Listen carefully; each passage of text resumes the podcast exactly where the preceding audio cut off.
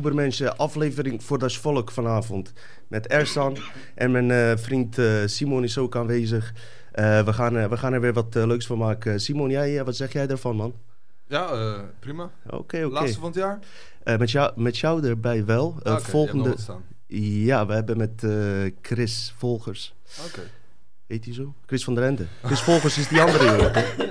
Oh, dat is lullig, man, dat je die fout maakt. Maakt toch niet uit. Ah, dat, is, dat is andere podcaster. dat, is, dat is De Haan, toch? Ik vind hem oké. Is- Oké, oké. In ieder geval, we- eh, volgende week hebben we dus met eh, Chris van der Ende, comedian, superleuke aflevering. Ersan is erbij. Woehoe, mensen, ik ben een beetje schoor. eh, af en toe kan ik kuchen, dus eh fuck jullie. Inderdaad, inderdaad. Zo, zo gezegd, zo gedaan. Ik heb zelf, eh, ga ik dit boek bespreken, Gods of Eden, op, op aanraden van Alex Collier. Dat is die eh, eh, man die eh, in de aflevering Alpha Draconiërs eh, was, twee afleveringen geleden, en Andromeda Perspectief. Hij raadde dit boek aan. Ook niet per se om aan te nemen wat er echt in staat. Hij is niet compleet accuraat. Maar waar, waar dit boek over gaat is... ehm, ja, eigenlijk de tijdsgeest van toen, hoe de goden werden gezien. En als we er nu naar kijken, met wat voor blik zouden we met de tijdsgeest van nu hier naar kijken? Nou is dit boek ergens eind jaren 80, begin jaren 90 eh, volgens mij uitgebracht. En waarom ik hem anders nooit zou grijpen, omdat het te veel lijkt op eh, Erik van Danneke. En die heeft heel veel, dat is dat Ancient Alien eh, ding... eh, natuurlijk heel veel verteld hierover. Maar dit is toch net iets anders. Dus ja, ik denk dat... ik ben nu niet eens op de helft van dit boek, maar ik wil even één hoofdstukje eruit halen. Want we hebben natuurlijk uh, afgelopen twintig jaar is islam best wel hard aangepakt. En door de alternatieve media, hoe heet die, uh, mainstream media. We hebben in deze podcast genoeg dingen over christenen verteld. En wie blijven er over? Wie blijven er nog over? Dat is Juda. ik wil net zeggen, dat een inkoppertje? Nee, joh, dus dit, hey, absoluut niet. Wij hebben, hey, luister, ik heb uh, hele goede vrienden die kijken die van Joodse kom af zijn. En uh, het gaat er niet eens om volk zelf, uh, Joden zelf, maar het gaat meer over Jehovah, weet je, ja, Jehovah zeg maar. En ik weet niet of ik gelijk heb, Ersan, maar is het dan zo dat Yahweh de, dezelfde God is als uh, bij islam en christendom, zeg maar? er zijn ook meer verhalen over namelijk. Ja, je gaat nu even diep, maar je hebt me... Uh... Zullen, Kijk, het, het, de term God, God is echt een westerse naming. God werd niet God genoemd door, dus ook niet door in de tijd van Jezus en in, in, de, in de tijd dat uh, de, de christenen opkwamen, zeg maar. Uh, hebben we dezelfde profeten? Ja, dat wel. Uh, gelooft de islam ook in, in, in, Jezus? Ja, ook. Maar dat is even een heel ander uh, subject. Ja, ja, ja, maakt ook verder niet uit. Ik wil dan niet dat het lijkt alsof ik Joden ga dissen. Het gaat meer om wat nieuwe inzichten die ik heb gekregen. Maar ook vooral om dingen die echt in de Bijbel, in de Torah staan en ook in de Bijbel. Alles als die drie geloven zijn aan elkaar gelinkt. En als we met de tijdsgeest van nu kijken, hoe we ja, zoiets wat we daarvan nu zouden denken, zeg maar. Dus met de tijdsgeest van nu. En uh, ook de vraag of, uh, of het werkelijk goden waren of toch andere intelligenties. Als nu iemand komt die zegt van ik ben een profeet ja? en ik kan water en wijn ja. toveren, dan denk ik dat dat gewoon een alien is, man. Die of gewoon David Blaine. Of? David Blaine. Blaine kan. Hey, maar trouwens, uh, leuk dat je gedegradeerd bent naar mijn plek, man. Kijk, ik ja, ben opvolger. ik moet toch ergens zitten. er wordt al een stoel in de gang gezet. Dat ik dacht van, nou, moet ik daarna? Ja, nou, helaas. Ik, ik ben... Ik moet beboet worden dat ik naast Dino moet zitten, maar... Hey, zo is het nou eenmaal. Uh, technisch verhaal. Ersan zit inderdaad liever daar. Maar uh, ja, het is nu even zo uh, technisch gezien. Maakt met de beelden schakelen nee, en zo. Nee, um, dus dat is mijn deel. We gaan chatten met de AI. Uh, kijken wat daaruit gaat komen. Gewoon even grappig. En waarom ik dat wil uh, doen. Tuurlijk he heeft die AI een intelligentie. Ontwerpt die naarmate hij hem voedt met informatie. Maar wat mij opviel, ik deed het voor de gein van de week, um, hoe interactief uh, de AI met mij bezig was en wat voor vragen die terugstelde. Uh, ik kreeg toch echt gevoel dat ik met een mens uh, soort van aan het chatten was, toch? Snap je? En, um, en als je met een NPC chat, heb je dan het gevoel dat je dan ook met een mens chat? Nou, precies. Dat, dat is de vraag waar we heen gaan. Stel je voor dat er straks biologische robots komen die gewoon op mensen lijken met AI-brein erin. En als we nu al, uh, ja, we, we, gaan straks een paar dingen uh, zelf uittesten met de kijkers. Dus uh, ja, ik vond, ik vond het wel boeiend eigenlijk. Wat actuele zaken gaan we bespreken. Wat had jij, Ersan? Eh, ik wilde het graag hebben over de CBDC eh, en over de eh, Agenda 2030 en over 1984, eh, de connecties daarvan. Waarvan ik zelf denk de connecties daarvan. Ja, en eh, ja, ik, ik stel gewoon voor eh, dat we beginnen met Simon, want hij is blank. Ja, Simon, jij hebt eh, white privileges, dus... eh, Ja, nou, hartstikke goed. eh, white privilege. Ik eh, bedoel, eh, hè, waarom niet? We hebben natuurlijk gezien dat Rutte zijn excuses daarvoor al aangeboden heeft. Ik wil me graag distancieren van dat excuus. Wat heb ik daarmee te maken, man, Rutte?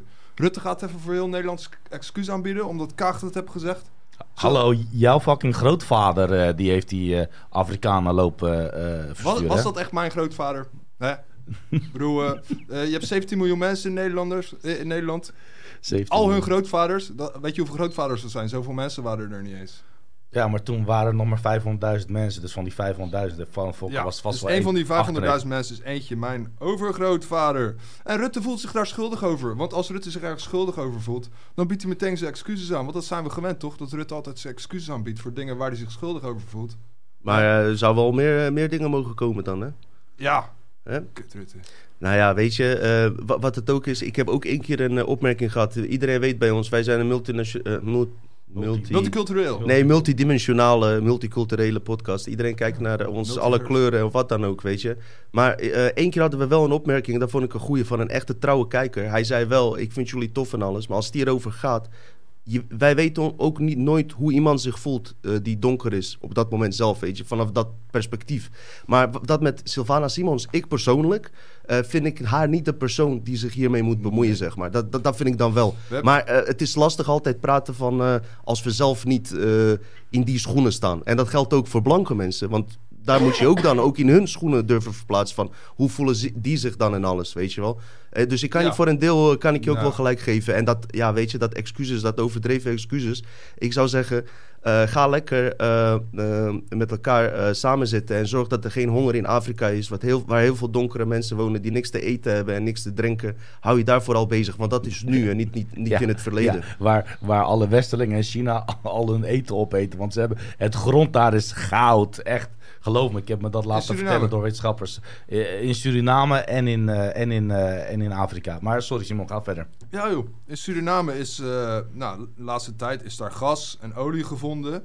Dus Klaus Schwab en de WEF en eh, Kaag, die denken natuurlijk van... Hey, als jij nou excuses aanbiedt, dan zijn we al een beetje goed met hun. Om misschien te profiteren van die olie en dat gas. Dat is altijd mooi meegenomen, weet je wel. Als iedereen weer een beetje denkt van... Oh, wij mogen Nederland wel. Maar ik weet niet, ja... Die blanke boeren in Afrika die de hele tijd vermoord worden in de afgelopen vijf jaar, 100.000 of zo. Allemaal blanke boeren die dan eh, eh, de hele boerderijen worden afgeslacht. Denk, ja, gaat daar ook iemand zijn excuus misschien voor aanbieden? Ehm, ik heb geen idee. Dus ik dacht, ja, misschien zijn er ook nog andere mensen die bijvoorbeeld in de aanmerking komen. Bijvoorbeeld had je de eerste slavenhandel in Amerika. Waarom denk je dat er zoveel Ieren in Amerika wonen? Engeland en Ierland hadden een grote oorlog, zo'n beetje rond eh, de ja, 1600, 1700 ertussenin. Toen werden er meer Ierse slaven verkocht dan eh, Afrikaanse. Eh, door Engeland. Want ze waren niet christelijk. Dus dan, dan mocht je gewoon die mensen eh, ja, blijkbaar als slaaf verkopen overal. We hebben nog de Arabische slavenhandel. Daar hebben we door Arabieren en de Ottomaanse slavenmarkten. Je vergeet nog iemand. Wie dan? Eh, je had ook Joodse uh, slavenhandelaar. Ja, natuurlijk. Joodse slavenhandelaar. Die heb je nog steeds. Uh, daar, uh, alleen mag je ze niet zo noemen. Maar in principe hebben we wel een vorm van slavernij dat ja. op de wereld is. Als denk ik had, van India, oh. India, al die kinderarbeid. Dat is toch ook slavernij? Gaat daar iemand ook sorry voor zeggen? Ja, en wel die goedkope truien dragen hè? Ja. van Nike en zo. Hè? doe ik ook trouwens zelf ook trouwens. Ehm, je hebt de Crimeaanse slavenhandelaar. Dat was ook het uh, Ottomaanse Rijk. Die verkocht Russen in het uh, 1400 uh, ja, tijdperk. Hoor je dat, Erzan? Ja, hij praat over Turken. Erop, ja, sorry, dan erop, Ersan, ja. Weet je wel, uh, Flikker op, man, met je sorry, man. Ja, de Slavische slavenhandel. Waar hey, hey, ga je nou over mijn land beginnen? het woord slaaf vandaan komt? Even serieus Waar komt het woord slaaf ja. vandaan? Ja, waar, waar, waar? Gaan we daar ook... Je begint al gelijk lekker jij vandaag. Ja. Sorry zeggen tegen Dino. Hey, sorry Dino. Voor de Slavische... ik wilde wat ik weet zeggen, niet, maar kan je het nog niet. herinneren van al enige die, eh, wie- door wie, ooit zijn, wie wij ooit zijn genaaid zijn Turken. Zit, die zit naast me. Dus Ja. eh, daar zijn we gewoon Nou ja, de. Romeinen die dan eh, bijna de hele wereld hadden overgenomen. Uit die oorlog namen ze natuurlijk ook de verliezers als slaven. Griekse, de Grieken die wereldwijd... Ja, nou ja, eigenlijk noem ik het gewoon Tartaren. Maar de, de Grieken hadden Grieken, wereldwijd... Tartaren? Nou ja, overal op de wereld is eh, Griekse mythologie standbeelden en dingen gevonden. Waarvan ik denk van, ja, is dat wel de Griekse geschiedenis? Want nu noem ik al die dingen op met al die eh, eh, in de eeuw dat het gebeurd is. Maar ik heb het idee dat er ja, minstens 200 jaar geleden iets gebeurd is. waardoor de wereld opnieuw bevolkt is. En dat deze slavenverhalen eigenlijk zo daaraan meewerken om onze geschiedenis wat langer te laten lijken misschien. Dus ja, weet je. Maar ik denk ook wel eens, eh, dan kijk ik bij zo'n filmpje van Rutte die dan zijn excuus aanbiedt. En dan zie ik allemaal mensen, waarschijnlijk uit Suriname, die zijn heel dankbaar dat Rutte zijn excuus aanbiedt.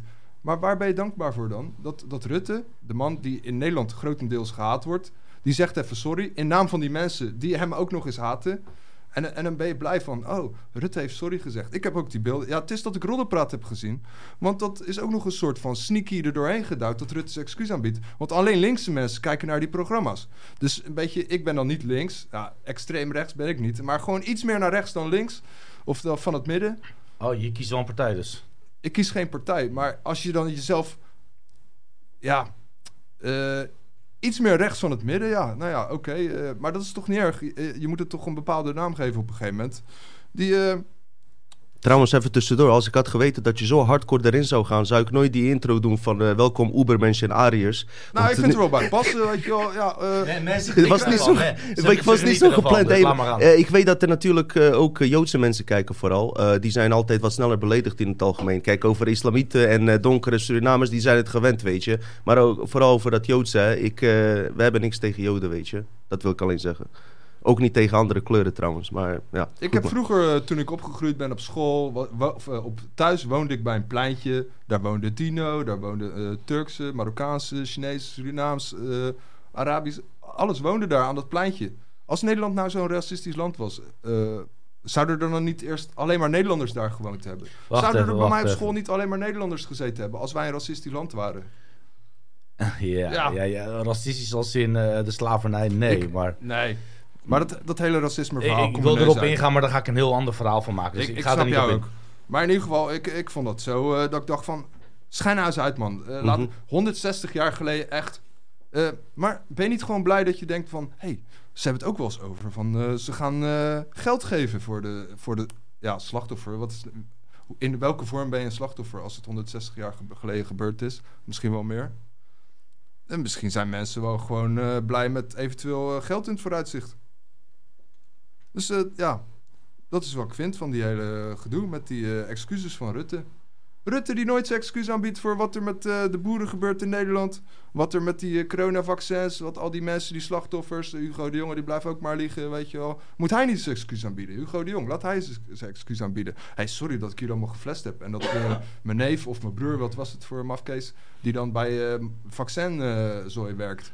En mondkapjes? Nee. Mondkap, kontkapjes. Eh ja, flauwe grap, maar in ieder geval... eh, sms'jes die verdwijnen. sms'jes die verdwijnen, mensen die verdwijnen, eh, bloedproppen die je oren uitkomen. Ja, kom op man, waar hebben het over? Ik merk, Simon- Is het echt de tijd om nu excuses aan te gaan bieden voor, voor, omdat je die gas en die olie wilt die in Suriname ligt, terwijl je Europa eh, één groot land probeert te maken die allemaal moeten doen wat dat kleine groepje van de WEF en die andere eikels allemaal zeggen. Simon, je gaat Ja. echt als een speer in positieve zin. Nee, nee, niet sorry. Je praat nu echt emotioneel uit, uit je hart. Ja. Het gaat er helemaal niet om waar ik mee eens ben en waarmee niet. Nee. Maar dit is gewoon ook een eh, bezigheidstherapie. Ik zie, Ja. d- d- voelt Eh, goed, hè? Ik wil dit gewoon even kwijt. Ook al ben ik niet met alles het eens, het hè? Dan kan ik daarna gewoon relaxed in die podcast zitten. Eh, ben ik dit even kwijt. Ik denk dat heel veel mensen met mij eens zijn. Ook misschien Surinaamse mensen die denken... Ja, wat staat die clown daar met zijn brilletje zo? Ja, sorry. Eh, eh, eh. En dan zegt er iemand... Oh, hij kan goed Afrikaans. Nee, hij leest dat op. Afrikaans lezen is niet zo moeilijk, hoor. Het, je het komt niet eh, uit het hart ook, hè? Mijn navigatie heb ik ook op Afrikaans gezet eh, drie jaar geleden of zo. Gewoon omdat ik het gewoon leuk eh, accent en taal vind. Afrikaans wat? Welke Ja. taal Afrikaans? Maak een uw draai. Weet je, Oh, oké, dan, dan, ga ik naar rechts, weet je, of naar links, of eh, waar ik ook heen moet. Jij gaat vooral naar ik rechts ben of een keer van de snelweg gepleurd, omdat mijn band lek was. Gleed ik van de snelweg zo vier meter in zo'n Maar- berm naar beneden. En dan hoor je zo, maak een uw draai. Waar mogelijk? Denk, Wanneer- ja, ik lig in de... Maar wanneer was het dan wel een goede tijd geweest om excuus aan te bieden? eh, nou, 160 jaar geleden. eh, nu is het klaar. Je, je kan niet meer alsnog je excuus aanbieden. Want Maar dan, stel, ga je, jij- dan jij- trek jij- je stel- stel- open stel- van mensen stel- die allemaal... Eén ding, één ding. Stel, stel jij Ja. geeft nu Dino een vette, dikke klap op zijn op zijn kop. Gewoon bam, op, vol op zijn neus. Ja, Ja, en je spreekt elkaar een jaar niet meer. Gewoon zomaar, omdat je daar zin had. ja, Eh, of dat je misschien iemand zegt, je krijgt 100 euro als je het doet. ja. En je ziet hem over een jaar. Zeg je dan over een jaar, sorry man? Of zeg je nee man? Zeg je dan geen sorry? Nou, omdat Dino dan op dat moment nog leeft... en dat ik ook nog leef... dus de dader en de slachtoffer leven allebei nog... heb je een situatie waarin dat kan. Daar heb je wel een punt. Oké. Ja. eh, En je vader hoeft het niet eh, voor jou... eh, eh, of je, ja, kleinkinderen hoeven, je kleinkinderen hoeven, je kleinkinderen hoeven, die zeg maar je toekomstige kleinkinderen hoeven daar Dan niet is het nog langer geleden. Mijn Ja. kleinkinderen... eh, als mijn kleinkinderen volwassen zijn... dan eh, zijn Nederlanders in de minderheid in Nederland misschien wel. Weet je Ja. wel? Eh, wordt dan hun excuses aangeboden. Nee, maar van, misschien hey, met, dat, jullie met hadden die vroeger 100 euro. En nu is het... eh, Maar wel met, Eh, wellicht Europaland. met, die 100 euro dat je erop verdiend hebt op die klap te geven. Misschien dat jij van die 100 Ik zou euro dat die 1000 deal euro hebt gemaakt. Ik- ik maar ga ik mensen- oké. Nee, oké. ik, ik begrijp de metafoor niet helemaal. Ja, eh, mensen zijn rijk geworden over om achter Dan, mensen dan zou om. mijn kleinkind Maar vergis je aan niet, zijn hè? kleinkind excuus moeten aanbieden... Precies. dat ik hem geslagen heb voor Precies. 100 euro. Maar, maar één ding, even één ding duidelijk. Ehm, eh, hoe Nederlanders aan de slaven kwam, ja, was door handel te drijven met de Afrikanen zelf. Dus de Afrikanen, de Afrikanen gingen eh, binnenlandse eh, eh, streek-Afrikanen oppikken Mhm. en dan doorverkopen aan de Nederlanders op de port. Ja, maar eh, wat ik nu zeg, klinkt misschien heel raar, maar wist je dat blanke slaven duurder waren? Die zijn Waarom is dat zo dan? Werkten ze harder? Werkt dus Maar tegenwoordig eh, worden blanken ook ik laat meer dat aan ja, de mensen zelf betaald. over waarom dat is. Dat, Ja. dat, eh, dat vond, eh, met het uitzoeken van al die verschillende slavenhandelen...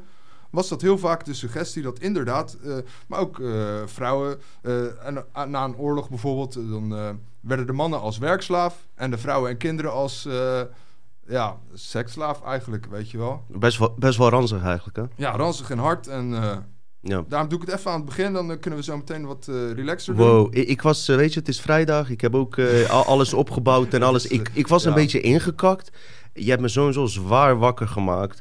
En ik, ik, ik denk, eh, eh, wat, wat moet ik ervan zeggen? Gozer, eh, ik zie aan jou dat het uit je hart komt. Dat je er ook een soort van echt mee zit. Kan ik ook begrijpen. Ik kan niet in jouw schoenen staan. Nee. Maar ook niet in, van een zwart iemand, weet je. Ik, ben, me- ik probeer iedereen te begrijpen. Ik kan een situatie eh, voorstellen. Van was gemakkelijk eh, van, van mee wegkomen. wat, wat Dino laatst vertelde. eh, Dino solliciteert bij een automonteur.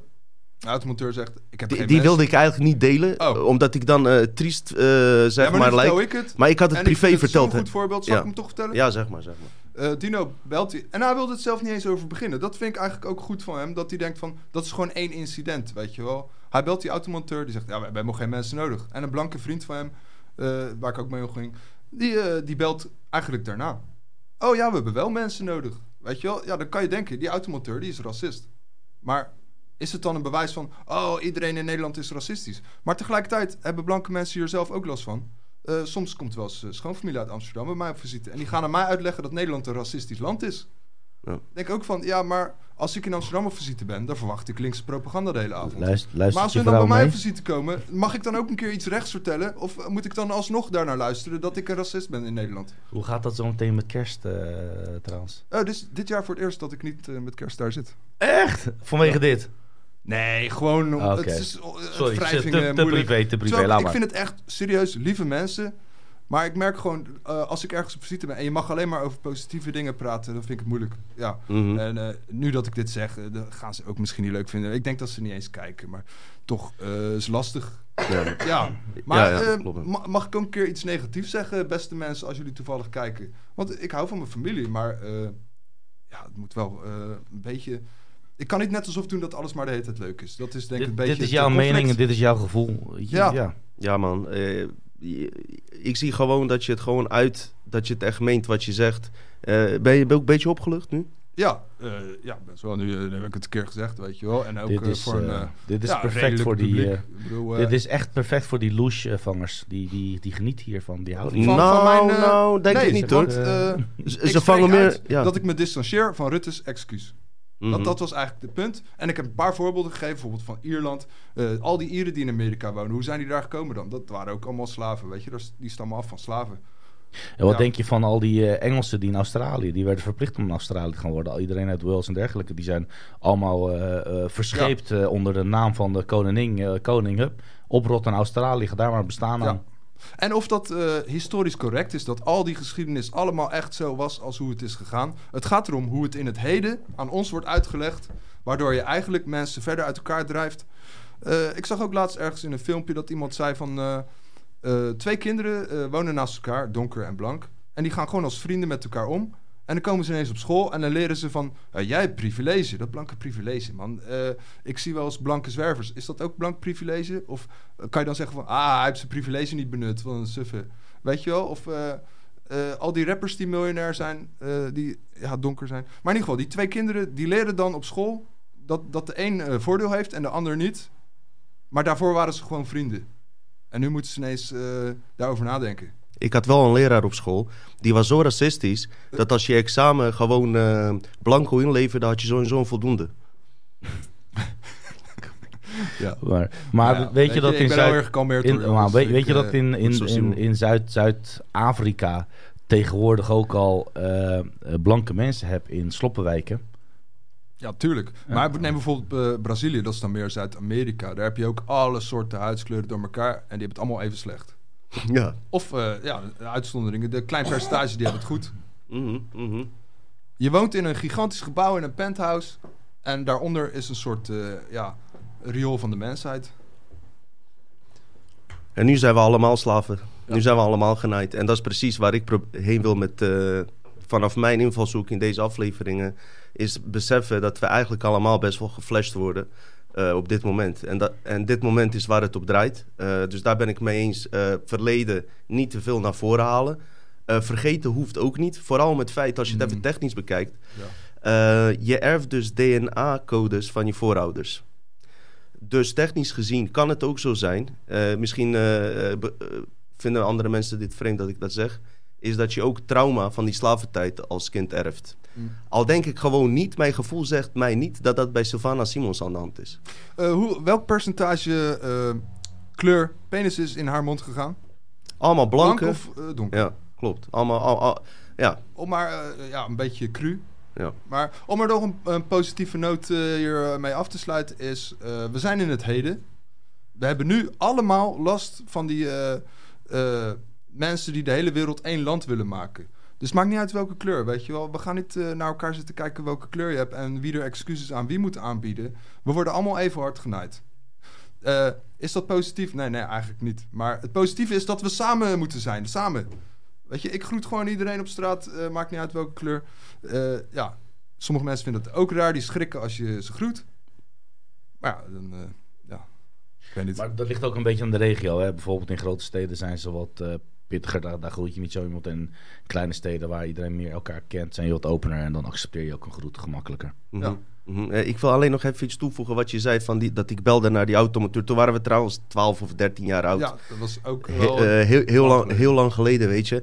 Maar, en daar zou ik iedereen aanraden. eh, kijk, de tijd waar wij zaten, mijn generatie allochtonen zal het begrijpen, was veel zwaarder dan de nieuwe generatie nu. Nu zitten ze te smeken om een buitenlander in dienst te nemen. En eh, niet voor die buitenlander zelf, maar voor hun, eh, wat ik ook vertelde, public relation, om te laten zien, kijk hoe goed wij zijn. Dus waar het om gaat, net als bij die excuses van Ru- Rutte, tuurlijk moeten er ooit excuses worden aangeboden aan die mensen. Alleen, het komt niet uit het hart. En waarom eh, is daar veel gezeik over? Omdat ze weten, zodra je excuses aanbiedt, moet je ook gaan uitbetalen. Dat geldt ook voor die vaccinatie straks. Eh, Stel je voor dat ze daar excuses voor gaan aanbieden. Weet je hoeveel miljarden de staat moet inleveren? Schadevergoeding. Schadevergoeding. Dus daar draait het. als je dood bent. Precies, maar daar draait het hele spel om. Waardoor voor mij die excuses dus ook geen ene reet waard zijn. Waar het eigenlijk om zou moeten draaien. En als je naar hem keek inderdaad, denk van... Oké, Savannah, je bent wel heel blij met die excuses. Maar ik zie gewoon iemand die gewoon een eh, eh, tekst opleest. En waar die gewoon waarschijnlijk niet heel veel van meent. Ik denk dat Rutte zelf ook helemaal niet daarachter staat. ja, daar maar dat- wat, wat ik dus wilde zeggen... eigen idee. Eh, nieuwe generatie eh, buitenlanders heeft het volgens mij veel en veel makkelijker dan onze generatie. En eh, waarschijnlijk, sommige mensen die kijken, ik ben misschien van de generatie van je ouders, die, die zullen dat zeker bevestigen. En wat betreft van dat, incidentje, zeg maar, met dat... incident, slecht woord. die voorval dat dat gebeurde... ehm, heeft mij juist gemotiveerd om in een positieve zin gewoon... eh, ik kreeg er juist power door, zeg maar. Ja. Want ik ben niet, niet de eh, figuur die in een slachtofferrol gaat zitten. En trouwens, dat is de enige keer dat het gebeurd is, weet je. En eh, En wat ik wel... zal is wel af en toe Ja, gebeuren. en, en weet je wat ik wel meemaak? Maar dat doen ze ook bij blanke mensen. Eh, vroeger, toen, eh, zeg maar, eh, toen je niet contactloos kon pinnen, maar gewoon alleen met het kaart insteken, dan sta je bij de benzinepomp en dan zit zo'n figuur voor je, zo'n heel ehm, angstig figuur. Die is bang dan dat ik die pincode ga kijken, zeg maar. En dat, Ja. dat, dat is elke buitenlander is dat, eh, die kijkt, die is dat gewend. Dus wat doe jij als buitenlander zijde? Je weet dat die figuren para doen Ga je de andere kant. ga je juist overdreven andere kant op kijken. Zodat Maar dat is wel een beetje pin-etiket. ja, ja. Maar, maar, maar hoor dit, hoor dit. Doe ik ook hoor. Maar hoor dit, hoor, luister dit. Dus eh, één keer had ik ook meegemaakt. eh, iem- iemand gaat pinnen en ik zie al, die zit para om zich heen te kijken of ik zijn pincode in niet kijk. Dus ik ga echt drie stappen naar achter. Ik heel een andere kant op. Gaat die pinnen, heeft hij geen geld. Dus ik kwam er later pas op. Ik had zijn fucking rekening moeten betalen. Dat was een goede bo- boodschap geweest, weet je. Maar goed, in ieder geval, eh, dingen gebeuren. En eh, blanke mensen hebben ook eh, problemen als ze in een, misschien in een bepaalde wijk lopen... dat ze zich niet, veilig voelen. Ook, weet je, iedereen. We, we, we zijn probleem van een dieper probleem dan, waar we het over hebben, weet je. En daarom behandel ik liever die diepere lagen... omdat dit allemaal een uitkomst is van dingen die in andere werkelijkheden gebeuren. En daar gaan we straks, straks misschien een klein beetje heen met dit boek... Niet te veel hoor, want ik wil dat deze jongens aan de slag gaan. Ja, ik probeer me normaal ook niet zo gek te laten maken door dit soort dingen. Maar deze keer had ik echt zoiets van, gast, eh, Ik- voor, ja, wie doe je dit? Weet je wel? Eh, Maar het is ook dat je niet als Nederlander echt eh, de- kans hebt om daar zelf die keuze te maken. Weet je, het wordt gewoon in één keer gedaan ergens eh, zonder dat je het door hebt. Maar Ja. we hebben met z'n allen op eh, één partij gekozen, toch? Dus Ik, ik heb bijna nooit gestemd eigenlijk. dat, is, dat, is het mo- dat is het mooie van huidige politiek. Is, eh, al heb je niet voor hem gekozen, maar heb de meerderheid wel voor hem gekozen, hebben we met z'n allen voor hem gekozen. Ja, dat is vaak, ja. Dat is fact, maar ja. Ga je nu wel stemmen dan? Maar dan is met z'n allen is echt iedereen die in Nederland woont. Weet je wel? Ja. Dus alle kleuren. Alle, Dan zijn we eh, met z'n alle allen. geremst, Als we alle, gestemd hebben, zijn we met z'n allen. ja, alle maar als er een conflict moet zijn, dan zijn we ineens per kleur of per eh, man of vrouw of worden we anders ingedeeld. Nou, die Nou goed, eh, ik vond het een eh, zeer sterke intro. Ik ben wakker met dit weer buiten, mistig. Ik weet niet of jullie dat thuis ook voelen. Als er gewoon wat minder zon is, ben je gewoon wat minder vrolijk. Andere voordeel is dat ik wel steeds blanker word en eh, steeds in meer plekken wordt aangenomen. Dus weet Ik je, ook, man. Ik ben elke nadeel heeft zijn voordeel. Deze man hier, omdat hij een soort beetje een halve Surinamer lijkt. Hij is niet te zwart, hij is net crème genoeg. Weet je, zo'n gezellige Turk die bij je thuis komt. Lekker met baklava en daarna je dochter neukt. Volwassen Eh, dat was vroeger, lang, lang Oh, geleden, lang zo, geleden. Oké, oké. Oké. Maar goed, was jouw onderwerp er staan? Maar ga even lekker met jouw onderwerp verder met uh, Gordon. die Mijn had onderwerp ik niet later. Ah, Oké, is goed. Eh, lieve mensen, eh, net wat ik zei, ik heb me niet zo verdiept zoals in de voorgaande afleveringen, omdat ik ook meer jullie bij wil, wilde betrekken. Eh, Simon, nou, die kwam als een fucking raket in, jongen. Ook al gelooft hij niet in maanlandingen, hij kwam in als een fucking raket erin. Dus ik moet daar even van bij komen, zelfs ik. Ja, maar, ik eh, ook. Ik ja, ik had dit Ik niet heb echt zoiets van, ga jij maar even. Deze man komt heel rustig binnen. Weet je, hey, hoe is het, broeders? En daarna kreeg ik een Maar ik denk ook dat... recht, dat rechtse wind eh, te, te horen, jongen. hij heeft echt een heel lief vrouwtje, prachtige kinderen, echt waar, daar niet van. ja, maar die is heel, ja. maar eh, dit, dit moest er blijkbaar even uit bij hem. Ja, het is een tijdje. Dus, nou, ik denk dat jij komende twee kerst niet in Amsterdam Maar- zit, maar- we, we gaan vanavond Ja, gewoon ja. even een borreltje blijven doen, toch? Met deze Sowieso. man. We gaan gewoon... Sowieso, man. Ja, maar is een vriend van ons. Hallo. ja, ja. Hey. Weet je hoeveel Maar, buitenlanders ik ken die nog extremer zijn dan Simon? En- en weet jij kent ze ook. En weet, weet, je, hoe- weet je hoeveel... ik kwam was vroeger bij eh, een vriendin thuis en die man die moest me echt niet hebben. Als ik dan binnenkwam, dan zei die man gelijk... Hé, hey, als goed! Als goed! dan zei ik, ga met je dochter naar boven. Oh, pa, hou op! En dan, ja, weet je, ja. Ja, maar, prachtig. eh, eh, jou, jouw kennende... Ik vind het niet per se dat ik iets racistisch heb gezegd. zo. Nee, Nee, natuurlijk jij niet. Nee, nee, absoluut niet, absoluut. Je hebt gewoon je mening gedeeld. Je hebt gewoon, er is niks racistisch aan. Ik kom een beetje Jij- op voor de gewone Nederlandse jij- voelt je niet verantwoordelijk over de daden van, eh, van het verleden, maar de staat der Nederlanden heeft dat vroeger gedaan. Eh, Ja. Eigenlijk heeft het Hm. de VOC gedaan, want ze hebben daarna een, een verenigheid eh, VOC opgericht en de VOC heeft het merendeels gedaan. Die staat los van de staat eigenlijk op zich nog wel. Misschien kunnen we die vraag straks aan de AI-chatbot stellen. Ja, eh, ja, wat, wat de AI eh, ervan vindt. Eh, tussendoor mensen, bedenk even een goede vraag als we straks eh, live met die AI-chatbot gaan eh, communiceren. Eh, die werkt dus interactief. Kijken, is even een proef. Eh, misschien is het leuk, misschien niet. Eh, we zien het wel allemaal. Al met al, eh, op aanraden dus van Alex Collier heb ik dit boek, eh, ben ik aan het lezen, God, Gods of Eden. Ik vind het een aparte invalshoek hebben. Het is onwijs een goedkoop boek, iets van 12 euro. Kun je gewoon bestellen, Amazon of eh, bol.com. En eh, het leest lekker. Eh, ja, eer- eerst een paar bladzijden merk je al of je in het boek zit of niet. En hoe de schrijver het vertelt. Gewoon strak, bam. Alles op en eraan. En heel lang geleden. Eh, waar het eigenlijk over gaat, het uitgangspunt waar ik hier naartoe wil, is ehm, hoe we dus met de tijd van nu. ehm, nou, Simon had het net over slaventijd. En wat Rolf Nuits ook zei. 200 jaar geleden was het de normaalste zaak dat iemand een slaaf had. Dus vergeet niet, dus ook een donkere Afrikaan had ook slaven. Hè? Dus niet alleen blanken. Maar goed, eh, die discussie hoeven we niet te voeren. Het gaat om de tijdsgeest van toen. Nu, gaan we, nu kijkt de- deze schrijver kijkt naar de tijdsgeest als het gaat om religies en wat er allemaal in die religieuze boeken staat. Gewoon in de religieuze boeken zelf eh, geschreven. En wat mensen eigenlijk allemaal aanvaard hebben, hoe hard dat is. Maar ook eh, iets zoals ehm, hoe de overschakeling switch is gekomen van meerdere religie, eh, ge- geloven in meerdere goden, naar één eh, god, zeg maar. Hoe die switch is gekomen. En eh, daarmee komt hij met Brotherhood of the Snake. Dat is een, eh, eh, een van de eerste eh, ultra occulte societies. eh, die afstammen eigenlijk uit de tijd van eh, Egypte, zeg maar. Eh, even kijken. Volgens deze schrijver, en ik wil meteen zeggen, ik ben absoluut niet met alles eens. Ik zeg alleen wat ik tot nu toe heb gelezen. Dus het is even allemaal van zijn invalshoek bekeken. Ik heb al een paar dingen gezien waar ik het, die ik anders eh, zie. Maar het is puur even bespreking van dit boek. Dus dit is niet mijn eh, levensvisie. Maar er staan wel interessante dingen in.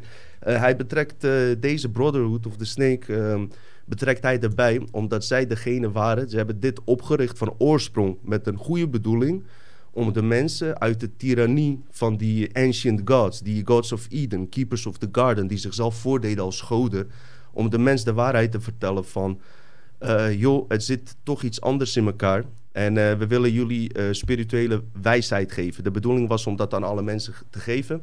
Naarmate de tijd verstreek, werd ook deze Brotherhood, occulte groep, een van de oudste, misschien wel de eerste, werd gecorrumpeerd. En eh, dat is wat hij hier eigenlijk vertelt. En waarom of de snake?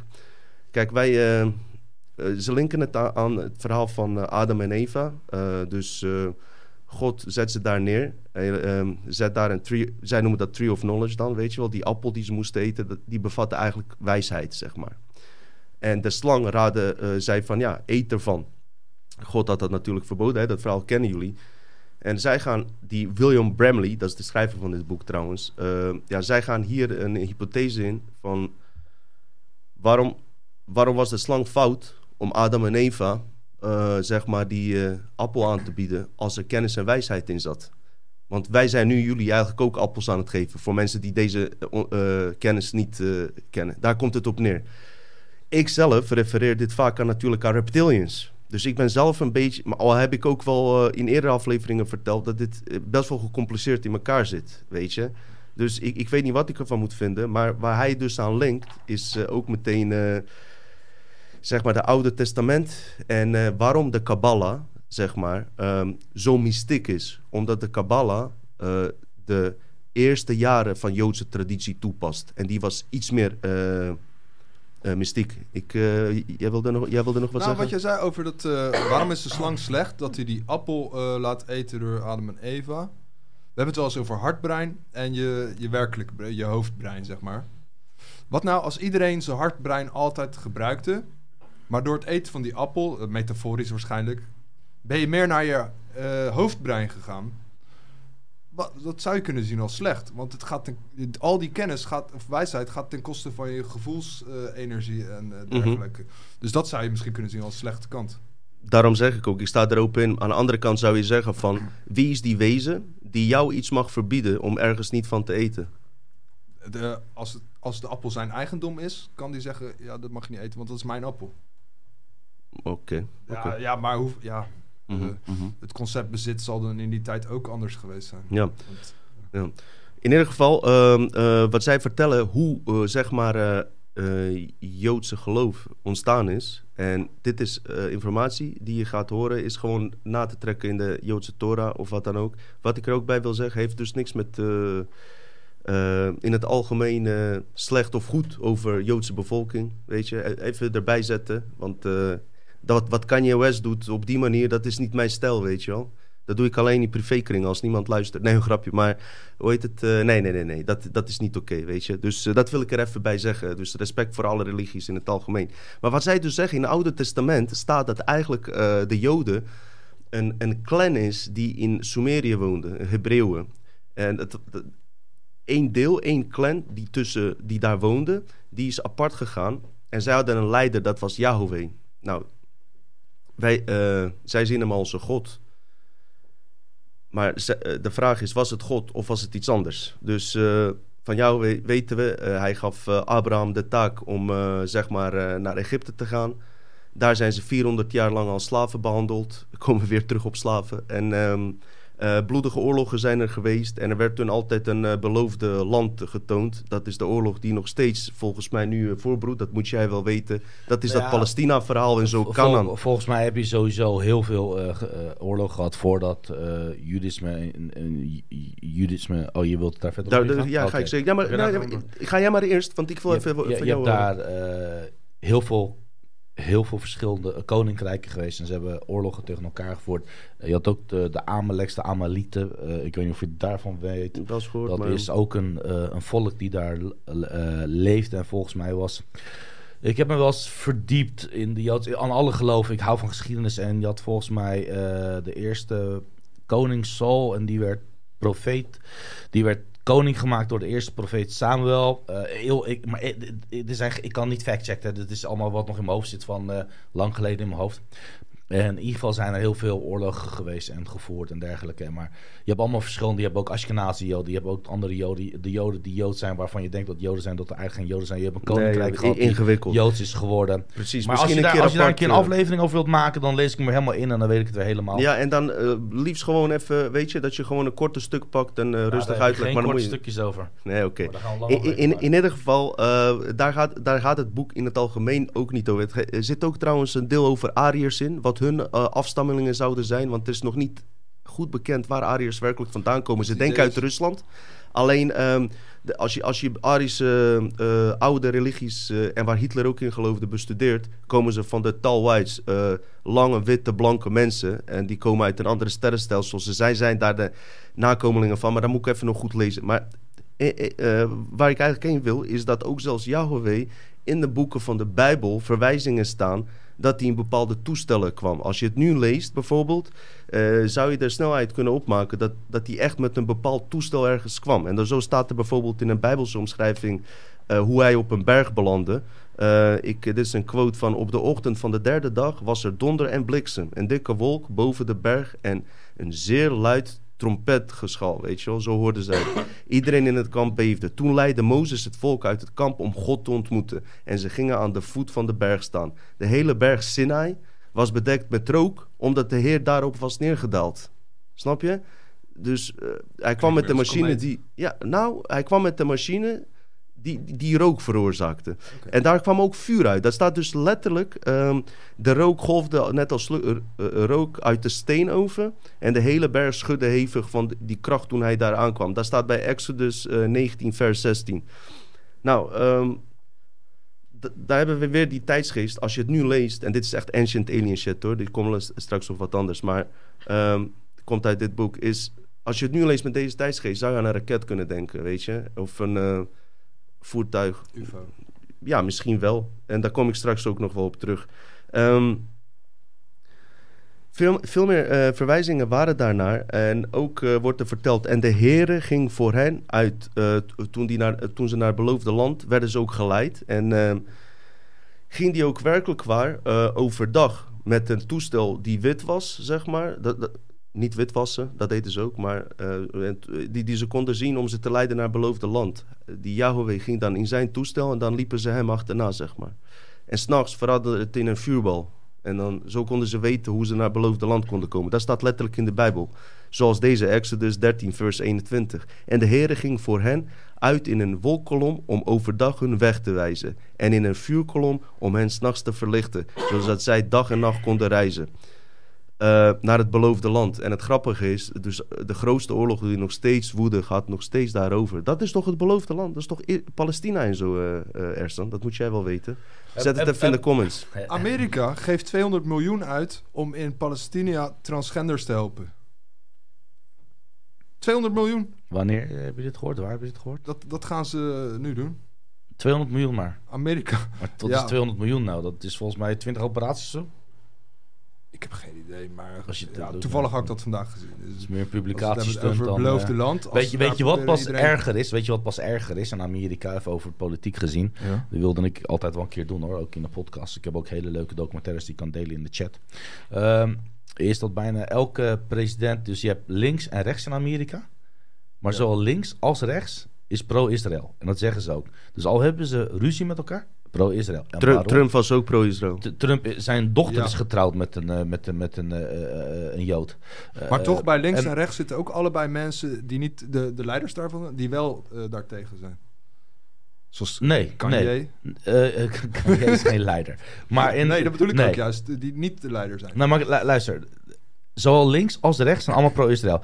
Weet je dat Biden, Trump, eh, alle presidenten daarvoor allemaal hebben gezegd, al tot een bepaalde generatie, tot in ieder geval tot het jaar 1900, hebben ze allemaal gezegd: wij, wij hoeven niet eh, is, eh, Joods te zijn om een Zionist te zijn. Die moet even hard aankomen, of niet? Dus die gaan gewoon mee akkoord. En dat is net zoals wat jij zegt van... met Rutte zeggen ze van... Dit laten ze alleen maar op linkse tv zien. Hoe ze dat manipuleren met de, de Ja. To Lie.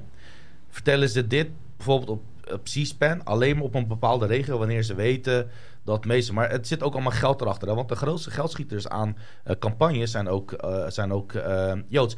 In de, de, de, de top van de Amerikaanse ambtenaren... En de politiek zijn allemaal Joodse mensen. Die kan je allemaal opzoeken. Die kan je allemaal googlen. Dat is allemaal gemakkelijk. Ze zitten er vuistdiep in. Netanyahu heeft ooit gezegd, 20 jaar geleden, dat Amerika een, een, een belachelijke kutstaat is. Met eh, helemaal kapot gaat. En dat ze, dat ze als het, wanneer het helemaal kapot gaan, eh, eh, gaat, dat ze het dan helemaal gaan overnemen. En dat Amerika helemaal er op niks kan doen. Ik, ik kan dat stukje nog wel terugvinden. Die kan ik een keer knippen en plakken. maar dat is delen niet gokken, dat is een agenda van hun. Dat is niet gokken. Nee, nee, dat is niet. Maar ze weten dat het kapot gaat. Dus ze wachten er alleen maar op. En Ja. ze wachten tot ze het overnemen. En ze, ze weten al dat ze het overnemen. Ze hebben zelfs gezegd: Amerika. Hij heeft zelfs gezegd: Amerika is slaaf van ons. En zal altijd onder, onze onderdaan, onderdaan zijn. Slaaf. Ja. Slaaf, Ja, moderne dat is slaaf. wel weer het thema van deze aflevering dan, denk ik. Ja, eh, daar ga, ik, daar ga ik zo meteen ook nog op in. Ja. Ik, ga, ik ga jouw thema zo meteen omzetten naar die van mij met eh, CBDC. En het grappige is dat we echt, ik wist niet, niet eens waar jullie het over zouden hebben en dit, maar je zit er mooi op aansluiten. En voor mij is het bizar, want waar ik het over ga hebben, heeft dus eigenlijk niet, heeft wel hiermee te maken, maar op een eh, andere manier, historische wijze.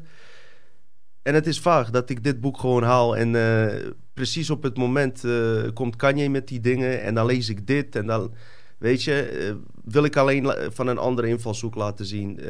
Waarom herhaal ik dit de hele tijd? Omdat ik niet dat willen ja, worden gezien als eh jodenhaters of zo, toch? Eh, Ik- zeg maar alleen maar feiten, We moeten meer? Ik zeg alleen maar feiten. Zionisten. Het is ook niet letterlijk dat Ja. je een hekel aan Joden hebt. Het Nee, nee, nee. Zionisten, Illuminati, de Ja. hele Reutemeteut, Bilderberg, je weet het wel. Ja, maar, maar die de- David Icke heeft ook heel, heel normaal altijd gepraat. En toch maken ze het daarvoor uit. En daarnaast, Ja. je hebt gehoord, Simon had net eh, Surinamers, weet je, over, of tenminste over dat rassen. Nee, nee, nee, nee, nee, maar over dat rassending.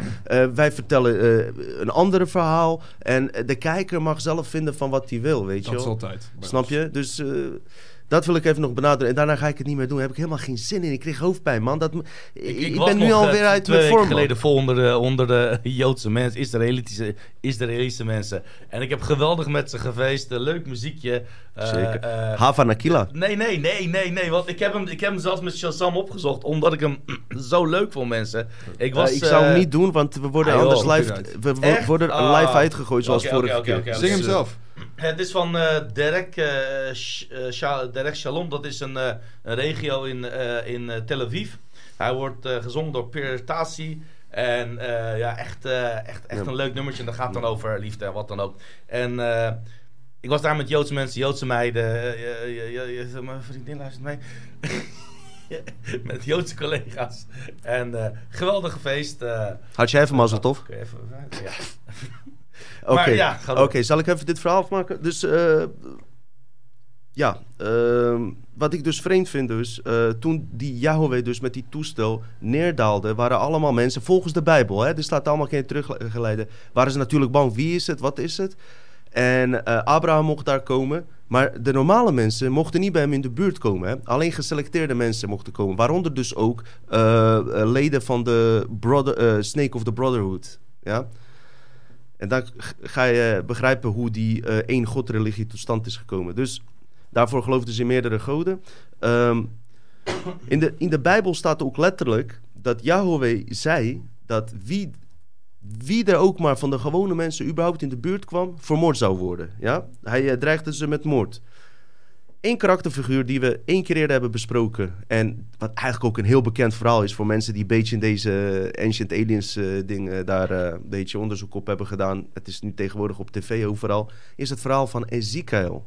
Die heeft die Yahweh volgens dit boek wel van dichtbij meegemaakt. Waarschijnlijk omdat het een bloedlijn was.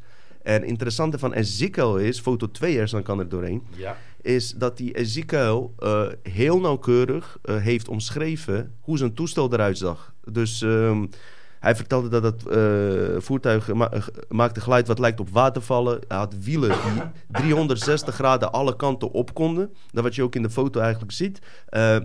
En dat uit, die, ehm, uit dat schip... ehm, me- eh, dat het schip van metaal was en dat er wezens uitkwamen die glimmend waren met metalen laarzen en metalen helm. Letterlijk zo staat het erin. Dat kan ook een pak zijn. Ja, daarom zeg ik tijdsgeest van nu. Hoe vertaal je dat nu als je dat nu terugleest? En nou, eh, ik heb het al eerder verteld. ehm, dit verhaal had Erik van Daniken in een eh, ehm, persconferentie verteld. Daar zat een NASA-medewerker in. En die vond het verhaal zo interessant. Die geloofde het eerst niet, ging het natrekken. Of die techniek van die Ezekiel zou kloppen met die wiel. En NASA heeft vervolgens een patent op eh, die wiel genomen en de techniek overgenomen. Dus eh, ja, dat geeft misschien wat kredietwaarde. Veel mensen die kijken weten dit, maar mensen die net inschakelen zijn hier misschien niet mee bekend. Kan je uiteraard ook eh, hierover opzoeken. Dus de vraag is, wat, deze man stelt is, wie was die Jehovah? Heeft hij überhaupt bestaan, ja of nee? Is het een mythe? Is het een, een god? Of is het een buitenaardse intelligentie die zich voorgedaan heeft als God? Dus dat is de d- ding eh, die, dat hier aan bod komt tot bladzijde waar ik nu ben. Die- eh, Eén momentje hoor, ik dacht dat je wat wilde zeggen. Maar wat ze ook terug konden refereren, ook via de Bijbel, is dat Mozes ook eigenlijk een hooggeplaatste lid was van die Brotherhood of the Snake. En dat toen, ehm, zij vertellen, farao Akhenaton verantwoordelijk was voor het tot stand brengen van één religie, dat die daarbij betrokken was. En daarom, mensen, zie je ook heel veel Egyptische symboliek in het Va- Vaticaan. Lijken de verhalen van Egyptische goden heel erg op verhalen van Jezus. Al gelooft deze man wel dat Jezus echt heeft bestaan. En ik heb daar weer mijn eigen ding erover. Maar zo zie je ook, eh, is het terug te herleiden... waarom ehm, zeg maar de Vaticaan de, de eh, sym- symboliek en de Freemasons natuurlijk... eh, die de opvolgelingen zijn, hè, bepaalde segmenten... niet alle Freemasons van, van dit soort bro- brotherhoods of de hoed, weet je wel. En vooral Joodse Kabbalah. Want Joodse Kabbalah is natuurlijk later ontstaan... maar wel met de kennis van het vroege Joodse leer. Want Abraham scheen ook alsnog... eh, zeg maar, ondanks dat hij één religie eh, propagand- ja, eh, weet je, v- verspreidde, toch nog dat mystieke, waar, wat wij behandelen, toch nog vaak toegepast te hebben. De zeshoekige Davidster, Joodse Davidster, is van oorsprong duizenden jaren lang symbool van Brotherhood of the Snake geweest. Die hebben dat geërfd weer van hun.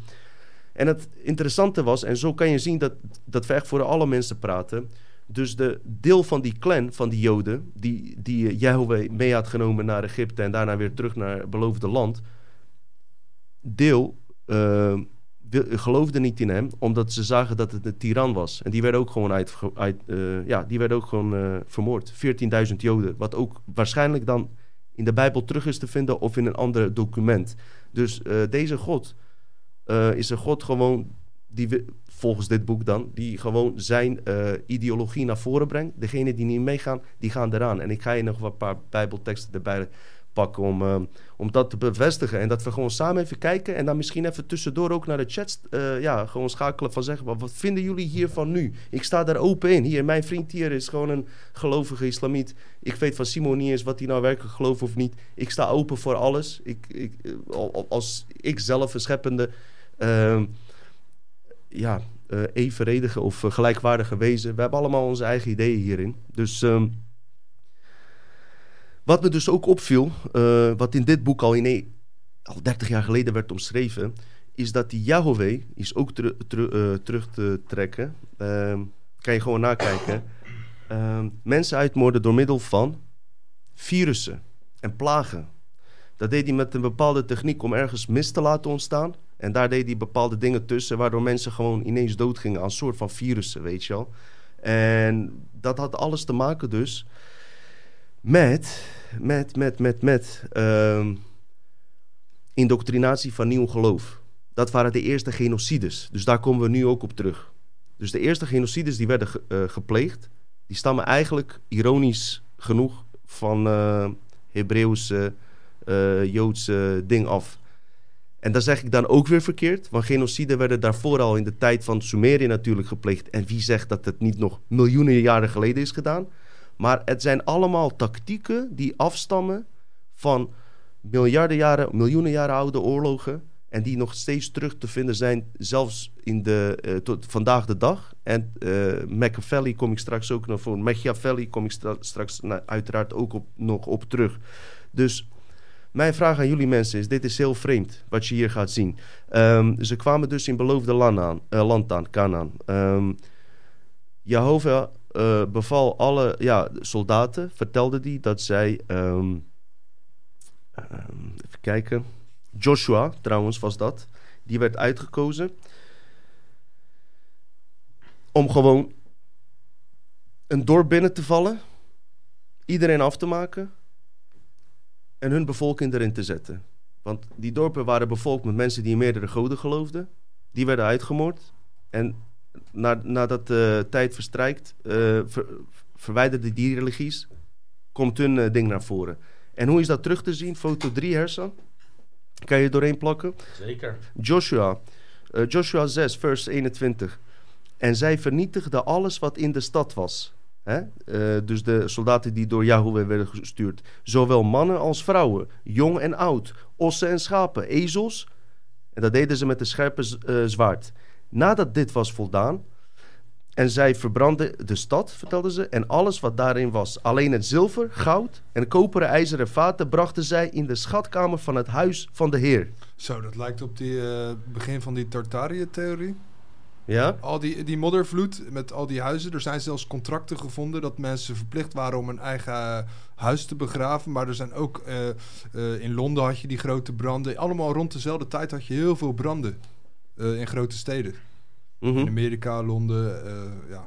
Oké, oké. Ja, ja. Het lijkt er een beetje op dat daar die bevolking vervangen is. Maar O- ja, of- of die- verhaal. Want, ja. ja, eh, we kunnen altijd speculeren en alles. Het kan ook zijn dat die tactiek is gebruikt en alles, of je kan het een keer dieper uitzoeken. Maar waar ik eigenlijk heen wil hiermee is: hallo, waar hebben wij het over? Hallo, wacht even. Wacht even. Dit is de God die aan Mozes ten comments gaf: Gij zult niet doden, Ja. gij zult zijn buurman niet beroven. Wa- wat doen zij? Zij doden mensen die naast hun woonden om hun geloofssysteem te verspreiden. En dat staat gewoon letterlijk erin. Dus mijn vraag is: in wat voor mind control, tijdsgeest zaten de mensen toen hè, om dit zomaar te accepteren? En mijn vraag aan jullie is, als je dit zo hoort, wat vind je ervan? Dat is het enige wat ik vraag. Wat vind je ervan met, Maar- met, het, met het idee hoe je, hoe je nu denkt, zeg maar? Dat is waar ik heen wil. Het volgende doel was eh, eh, een stad genaamd Ai. Die had een populatie van 12.000 mensen en die hebben ze ook helemaal platgebrand, beroofd. En dan kreeg je het volgende. Kreeg je het volgende.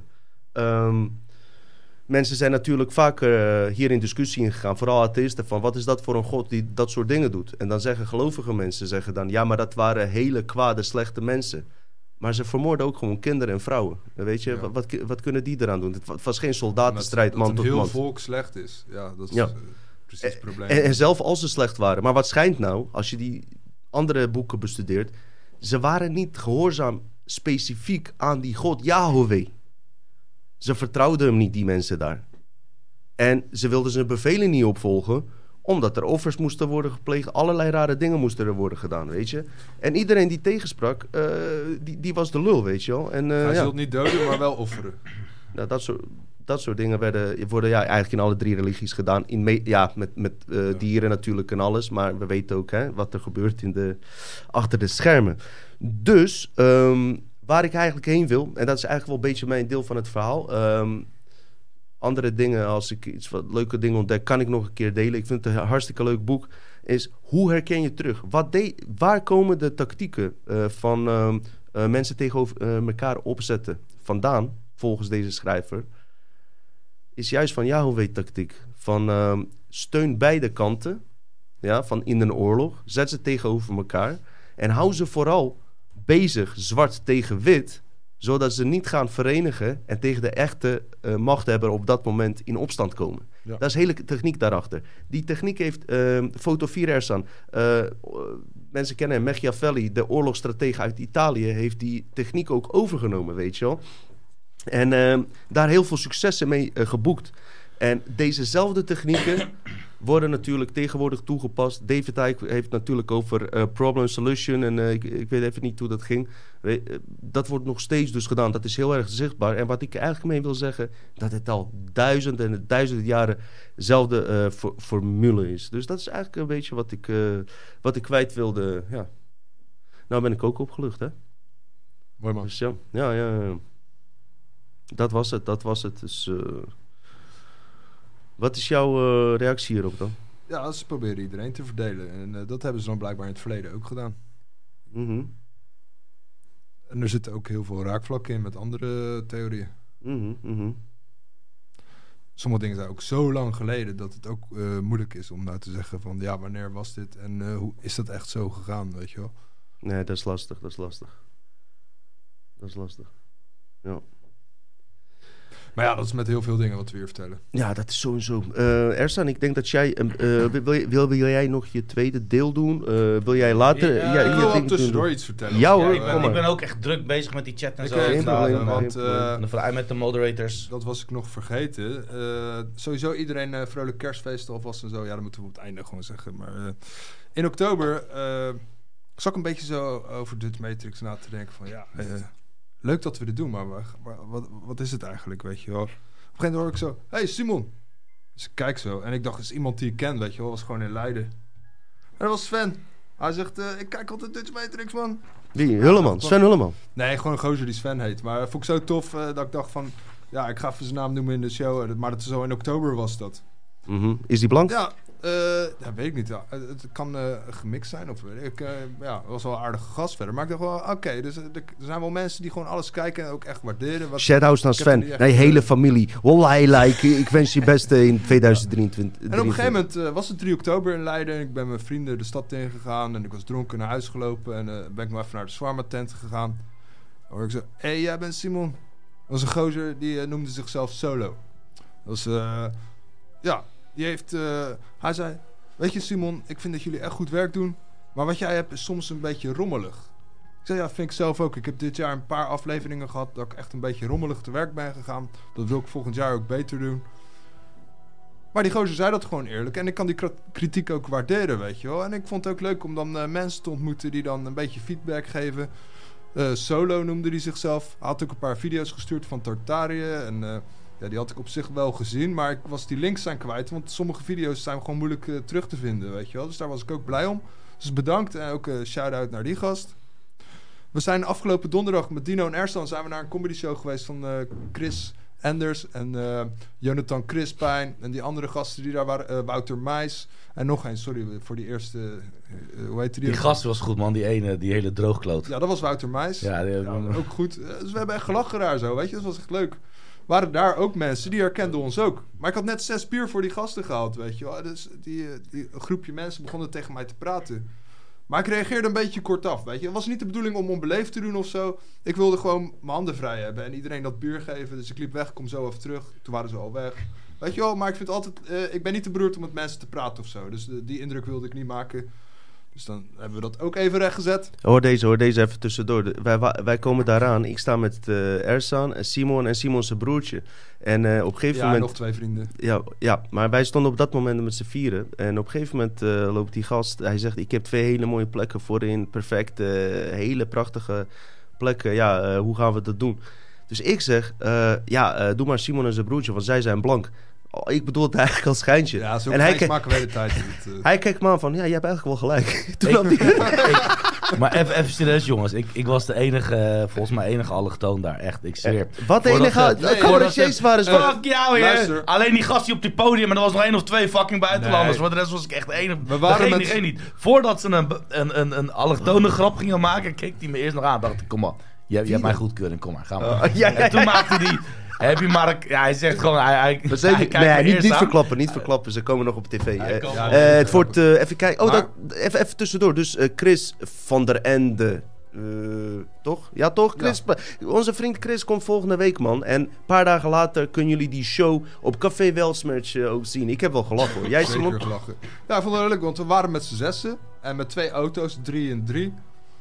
En precies drie Nederlanders in één auto en drie buitenlanders in één auto. En eh, we hadden het erover van... Zo, hé, leuk dat we een keer met allemaal Nederlanders zitten, man, in de auto. Hé, leuk, man. Wij hadden daar niet eens over nagedacht.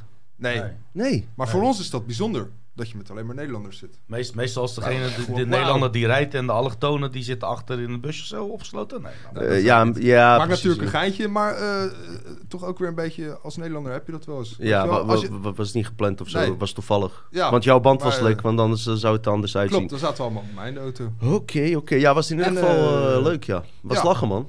Eh, dankjewel. Eh eh hart voor humor, hè? Hart voor humor is dat natuurlijk, hè? En ik had een eh, cd gekregen van MC Stef, Rebels met een reden. Stonden maar acht nummers op, dat was het enige nadeel. Ik vond, ik vond het een goede cd. En eh, die gast, Interest, vond ik leuk. Goede rapper. Oké, Dus, dit was daar heb even ik de laatste paar dagen echt veel naar geluisterd. Naar die wat, ik, wat ik prachtig vind is dat jij nog een cd-player thuis hebt. Ja, Ja. stereo, cassettespeler. Prachtig. Ik heb Hè? al mijn mixtapes van toen ik 16 was, die heb ik nog, weet je wel. Dat is gewoon, ja. Hij heeft nog steeds dezelfde voicemail. Eh, die is 22 jaar oud, jouw voicemail. Ja, dat is ook zo raar. Ja. Weten jullie nog toen Ben net uitkwam? Dat was de tijd ah, 1980. Weet je waar Simon, jouw voicemail is 24 jaar oud, vriend. Ja, die film Ghost Dog, waar, waar, eh, met Forrest Whitaker, Ja. Ghost Dog. En dan had je altijd zo'n liedje. Ja. Maar dan hoor je onwijs een ruis doorheen. Die heb ik toen als voicemail gezet. Nou, jij Die houdt hem in ieder geval 20 jaar eh, goed zo. vast. Ja, maar ja. Ersan, kom Ik je nog met wat thema's? smartphone. Ja man, ik wilde het hebben over... eh, over ik ga het eh, overnemen over eh, slaven. Oh, Maar dan ga ik het hebben over moderne slaven. Ja. Loonslaven. Oké. Wij zijn allemaal slaven. Net als je denkt dat je een goede Indirect, baan hebt, ja. Dan, dan knijp je ze helemaal uit. Net als je denkt dat je een beetje geld hebt, dan knijpen ze je allemaal weer uit. Dan gaat of de gasrekening omhoog, of dan gaat de BTW weer omhoog, of dan gaat de inflatie weer omhoog. Ja. Ze blijven je eh, in de maling nemen. Het is, um, jij had het net over Machiavelli. Machiavelli was volgens mij degene die zei van... eh, zorg voor je mensen goed, maar zorg niet te goed voor ze dat ze zelfstandig kunnen worden. Dat gebeurt een beetje in de wereld ook. Ja, Als je kijkt naar eh, de Europese Unie, als je kijkt naar de WEF, als je kijkt naar bijvoorbeeld de Europese Centrale Bank. Laatst als Amerika zei van ja, maar de Europese Centrale Bank kan iets apart, want dat is een losse instantie. Maar die losse instantie heeft hele harde, keiharde roots met die van de WEF. En samen met die gast, hoe heet die? Klaus. Klaus. Oh, ome Klaus. Wat een topper is dat, hè? Dat is eigenlijk... eh, Secret, Zie, zie kruis is, zie neuk je allemaal in zie. Ja, ehm, maar het ergste is het geval is dat ehm, voornamelijk eh, in, in, in land, ik was laatst in, in Roemenië, was ik voor werk. Daar gaat nog echt veel eh, cash in omloop. Als je daar bijvoorbeeld een huis wil kopen en je zegt ik wil mijn huis verkopen, is het heel normaal dat je naartoe gaat en niet naar notaris of wat dan ook, hè, maar dat je gewoon echt een, een zak geld hebt zo. En die geef je gewoon aan hem. Ja, heb ik het gekocht? Ja, oké. Een huis nu van mij, klaar. En dan uh, handtekeningje, is klaar. Heel veel meer landen in Duitsland, in België gebruiken ze nog wel een beetje cash, maar Hier Gaat- kan het bijna niet eens meer. het gaat bijna een beetje allemaal eruit. En die, over deze onderwerpen hebben we allemaal vaak gesproken. En giraalgeld is nu een beetje het, eh, het, het, het, het moderne. Dus Ja, en- iedereen... En een gevolg tussendoor, hè, van alleen zeggen, ik had met Simon laatst erover. Eh, j- jullie, niet jullie hoor, niet jullie, maar die, die, die mensen die alles zomaar eh, alleen maar met pinnen betalen, we naaien onszelf daarmee. Ja. Snap je? Turkse bakker eh, kon je af en toe nog voor 1 euro, kon je een, eh, weet je, hamkaas of een eh, heel goedkoop, heel goed Ja, eten ham, krijgen. maar- Nou ja, je hebt wel een Turkse halalham, zeg maar, toch? De salami, sorry. kalkoenham. Nee, eh, maakt verder niet uit. Ja. In ieder geval, er werd daar altijd cash betaald. Je had vaak ook niet eens pinding en zo. Nu betaalt iedereen pin. Die Turk kan ook niet meer voor 1 euro zo'n croissant maken. Nu is het anderhalf euro. We naaien onszelf. Omdat euro we, binnen, ja. ja, omdat we alleen maar pinnen. Interesseert mij geen reet of hij dat eh, opgeeft of niet, eerlijk gezegd. Luister, maar jullie zijn bang. Hoeveel, Oh, geeft hij het op of niet? hoeveel loodgieters of glazenwassers ken je niet die allemaal verschillende huizen Oh, hebben? wij niet. En wij nooit. Nee, Jongens, nooit. weet je hoeveel belasting al dit jaar dat ik heb betaald? Ik heb al meer dan 40 koppen belasting betaald. En als ik contant moet betalen, ben ik alleen maar een dief van mijn eigen portemonnee. Waarom niet? Want als ik het ga op pinnen en ik geef dan die gast cash, die betaalt, die draagt zijn belasting af. Die, die, die Wij zijn al jaren die over die tikse, die tikse, die tikse eh, biertje niet Ja. eh, aan bij de kassa. Nee, maar die pakt het geld wel. Waardoor hij minder betaalt, waar ik hem een volle pond geef. Klopt. Dus, Ja, maar ga maar verder, sorry. Ja. loonslaven. Maar een andere kant is, ik ken genoeg eh, stukken doors die, eh, die al een beetje lopen te zeiken is. Want al een aantal jaar, zoals jullie weten, is de CBDC al behoorlijk aan de gang. Wat is CBDC? Wat is daar de afkorting van? eh, het Central, Central Bank. eh, ehm, eh, of- Doen jullie maar in de comments. Maakt niet uit. nee, Hup. nee, nee, nee. Central Bank Digital Currencies. Currencies. Dus eigenlijk een cryptovorm. Want Europa voelde erbij al hangen.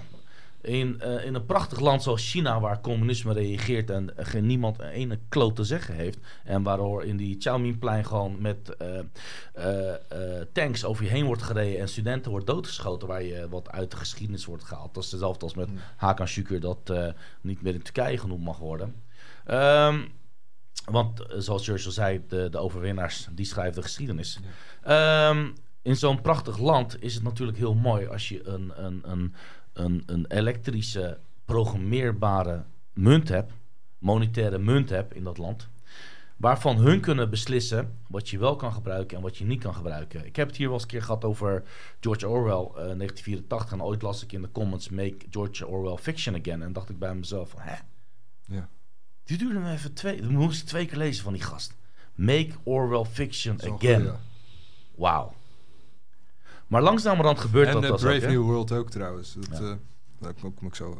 Ja, ja, maar ondertussen gaat de eh, eh, centrale Europese eh, Unie... Nou, de Europese Unie die gaat dus ook een, een, een, een extra ministerie beginnen. De ministerie van de waarheid. Weet je, daar komen we ook weer terug op George Orwell. Het ministerie van de waarheid. Wacht even. Wacht Oorlog even. is vrede. Ministerie, heet dat zo echt? Ja, en aan- Biden die had ook gezegd... omdat er zoveel leugens zijn... willen ze dus een ministerie hebben die de waarheid... Wie heeft die leugens Die verspreid? jou- Dus die mensen die die leugens verspreid hebben, die gaan de ministerie van Waarheid. Die Wie kan je- hun leugens Wie kan, je nog, wie, wie kan je nog waar en wie D- vertrouwen? dus hè? je hebt iemand die zeg maar eh, mensen mishandelt en die richt dan Amnesty International op.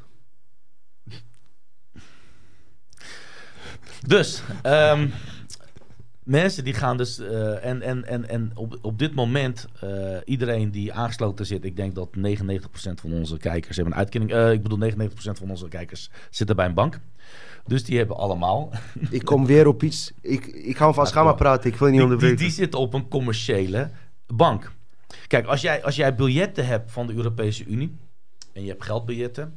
dan is de Europese Unie die zegt van... nou, die geldbiljetten, daar ben ik voor jou gegarandeerd... dat die biljetten overal waar zijn. Moeder moeder. Als je giraal gaat betalen, giraal is dus eigenlijk alleen maar pinnen. Dus die, een digitale vorm van betalen. En dat gaat via banken. En die banken die gaan langzamerhand ook jouw betaalgegevens verkopen aan derde partijen. Zodat mensen jou eh, eh, eh, g- kunnen adverteren op wat jij koopt en wat jij graag wilt. Weet je, bijvoorbeeld, eh, ik denk dat eh, Dino die krijgt heel veel eh, dildo's eh, eh, als advertentie. En eh, Simon, ik weet niet meer, sorry. Maar goed. Ehm, maar CBDC, maar dat, dat wordt dus nog erger. En dat, dat, dan gaan ze dus de bank gaan ze dus uitsluiten. Dus zometeen als jij dus een munt hebt, dan is die... Dus het geld wat je krijgt, die kan je dus omzetten in een digitale euromunt. En dit, dit gaan ze al naartoe, dit is al drie jaar aan de gang. Want in een land zoals in China, zoals ik zei net voordat ik interrupt was... is het prachtig om te kijken van... Wat wil jij kopen, wanneer wil je kopen? En dat, dat de overheid precies weet wat jij gaat kopen. Dus als jij een abonnement wil nemen bij, weet ik van Netflix, zegt de, abonne- zegt de overheid: nee, nee, sorry jongen. mag je niet kopen. Dat geval, Mhm. stel nou dat je een uitkering krijgt en dat je een, een digitale wallet hebt met de CBDC-munt. Dan kunnen hun zeggen van, ja, je krijgt een uitkering, maar sorry man, sigaretten? Nee, nee dat, eh, dat, dat valt niet onder die uitkering. Jij mag zoveel euro aan, aan, aan boodschappen doen. En eh, de rest, nee, nee, je mag eh, eh, een, een, een staatslot kopen. Nee, nee, nee. Daar geef je geen uitkering voor. Dus dat kunnen ze allemaal doen. Maar ze kunnen ook, en ze gaan dan twee verschillende munten uitbrengen. Eentje voor industriële zaken en voor financiële zaken, bedrijven. En de andere wordt dus een burgermunt. En hier, en dan zeggen ze, en ze zijn mensen nu al lekker maken. Wat zijn de voordelen, wat zijn de nadelen. Maar ze doen dit alleen maar vanwege gedrag. En vanwege angst, angstcultuur. Maar ook vanwege omdat ze bang zijn dat zo meteen eh, eh, grote bedrijven, Microsoft, Facebook, eh, Tesla, met een eigen munt komt. En dat bijvoorbeeld Facebook, die heeft hoeveel? 3 miljard mensen? Weet je? Nou, trek een miljard er vanaf, 2 miljard mensen. Als iedereen een Facebook-munt gebruikt, dan gaat niemand meer zijn geld eh, behouden op een, op een euromunt of wat dan ook. Dan maakt iedereen gebruik van een, van een Facebook-munt. Dus ze zijn nu aan het kijken van hoe kunnen we alles blokken. Tuurlijk, ze hebben ook die Ripple tegen SEC. Eh, die hele strijd gaat daarom. Omdat gaan- Ripple ook te gevaarlijk werd. Maar joh, weet je, je vertelt dit, maar ik heb het ide- We weten niet zeker, hè. Ehm, eh, wie, wie waarbij hoort uiteindelijk. Waarschijnlijk kijken ze wie succes krijgt en, die neemt het, en dan nemen ze dat gewoon over. Net als YouTube gewoon eh, opgebouwd was op een normale manier. Twee normale gasten, die vonden het cool om dat op te bouwen.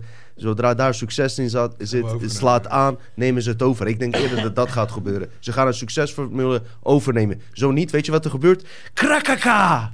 Maar is het niet altijd een verhaal van... oh, gewone jongens maken dit... en nu eh, gebeurt er... eh, is het ineens een gigantisch iets. Sowieso. Net zoals met Steve Jobs, die dan... was zogenaamd Steve Jobs, hebt dat allemaal uitgevonden... en nu is hij dood en nu is het... ja, ik weet niet, ik geloof dat nooit zo. Ik denk dat er meer Ja, achter zit. Steve Jobs was een visionair. Die had een visie. Die heeft volgens mij veel Star Trek gekeken. Want in Star Trek eh, zag je dezelfde devices. Tablets. nu hebben die tablets, eh Dat is ook eh, predictive programming. Weet je wel, ze wisten programming. al toen ze die serie maakten... dat ze daar naartoe zouden gaan. Ja. Dat denk ik. Of onbewust. Of onbewust, dat kan ook, dat wil ik ook niet zeggen. Maar goed, die CBDC, dat, dat, dat gaat echt in ons strot gedouwd worden. Binnen de komende 10, 20 jaar. Want dit heeft ook een plan. Naar mij zegt, als ik heb, ik heb een keer over, over, over 2030 gehad. Ik heb een keer over 1984 gehad. Eh, die boek had ik toen gelezen. In Turkije heb ik een paar keer achter elkaar gedaan. Ik had toen even rot uit. Maar die hele planning, die valt ook aan. Die oorlog in Oekraïne, die, die, die, die komt ook echt. Weet je, make Orwell fiction again. Ja. Alsjeblieft, laten we Orwell fiction again maken. Ik heb eerst, voor het eerst dat ik die uitspraak zag, was eh het t-shirt had Mickey van Leeuwen aan. Ik weet niet of die bij ons in de uitzending toen zat of in zijn eigen uitzending. Al twee, twee jaar geleden. En eh, zeker een goede slogan. Maar ik heb toch wel goed nieuws voor jullie. Jullie Ariërs Nederlanders. Hé, hey, luister dan. Ehm, jij zegt wel uitkeringsleiers, maar... Ik hoorde op de radio en ik heb het gewoon nagecheckt. Ik dacht dat ik het redelijk goed deed, hè. En eh, geld boeit me echt geen reet. Maar ik had echt het, idee dat ik het redelijk goed deed. Weet je waar ik achter ben gekomen? En Simon, dit moet je mij gaan verklaren, hoor. Oké. Nederlander heeft gemiddeld 170.000 euro bezit, spaargeld. Ja, maar zijn dat Oh, niet een oh. klein percentage die zoveel hebben... dat ze het gemiddelde hoog uit? Uiteraard, uiteraard. Maar hoor dit, hoor dit. Ehm, Zit de koning ook bij dat gemiddelde? Eh, ja. Eh, ho- hoor dit. Ehm, Nederland het rijkste land, vijf, vijf keer rijker dan Portugal en alles. Ehm, eh, er valt nog veel te halen bij ons, zeg maar. En eh, daarom zeg ik, eh, wees alert. Ze weten dat ze nog veel kunnen halen. Ze weten exact, weet je, met die, met die gasprijzen en, eh, en, en, en al dat gedoe. eh, nu is, weet, Olle, weet wat je? moet ze nog meer halen dan? Je- Iedere keer als ik fucking wat heb Maar gespaard, allemaal een scheiding meegemaakt en weggegaan. Gozer, Nederlanders hebben doekoe. Zij praten daar niet over. Zij hebben Jongen, doekoe. jongen, al mijn geld wat ik heb is allemaal, is allemaal foef, foef gaan. Dat weten jullie ook. Maar is dat We hebben genoten, man. Per persoon of per huishouden? Of...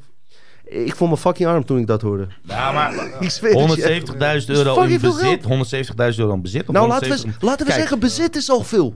Ik heb misschien ook, ik heb misschien ook 3 ton. maar, maar- dat heb ik niet in bezit. Dat zit in mijn huis.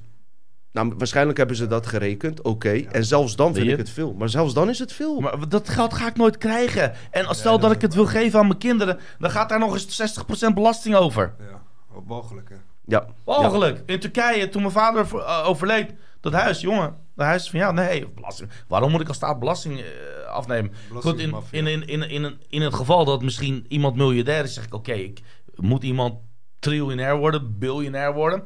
Dan denk ik bij mezelf van nee, nee, dat wil ik ook niet, weet je wel. En toch Maar- merk je dat het volk eh, beetje eh, begint te protesteren. Vandaag tevens ook op de radio hoorde ik dat personeel van... ehm, hoe heet dat bedrijf? eh Bijenkorf massaal protesteert. En heeft aangeraden om niet bij Bijenkorf te, koop, eh, te kopen... omdat eh, personeel nauwelijks rondkomt van hun salaris. Ja? Ja. Terwijl de bazen miljardair zijn. Maar als jij binnenloopt en je ziet dat personeel... je ziet die lekkere wijven met die parfums, dit en dat. Je zegt, ze zijn binnen, dikke lul. Ze komen nauwelijks rond. Ze moeten zichzelf retail. verhoeren daar Dat op Instagram bij. Russen. Dat is toch retail, jongen. Bij retail, of je nou bij Mediamarkt zit of bij Coolblue zit of waar dan ook zit. Het is alles uitknijpen en dat is kapitalisme. Dat is wat is waar het is verkracht. Is dat die, eh, dat die, die, die gasten, die, die eh, equity-bedrijven, die geldschieters, die investeerders, die aandeelhouders.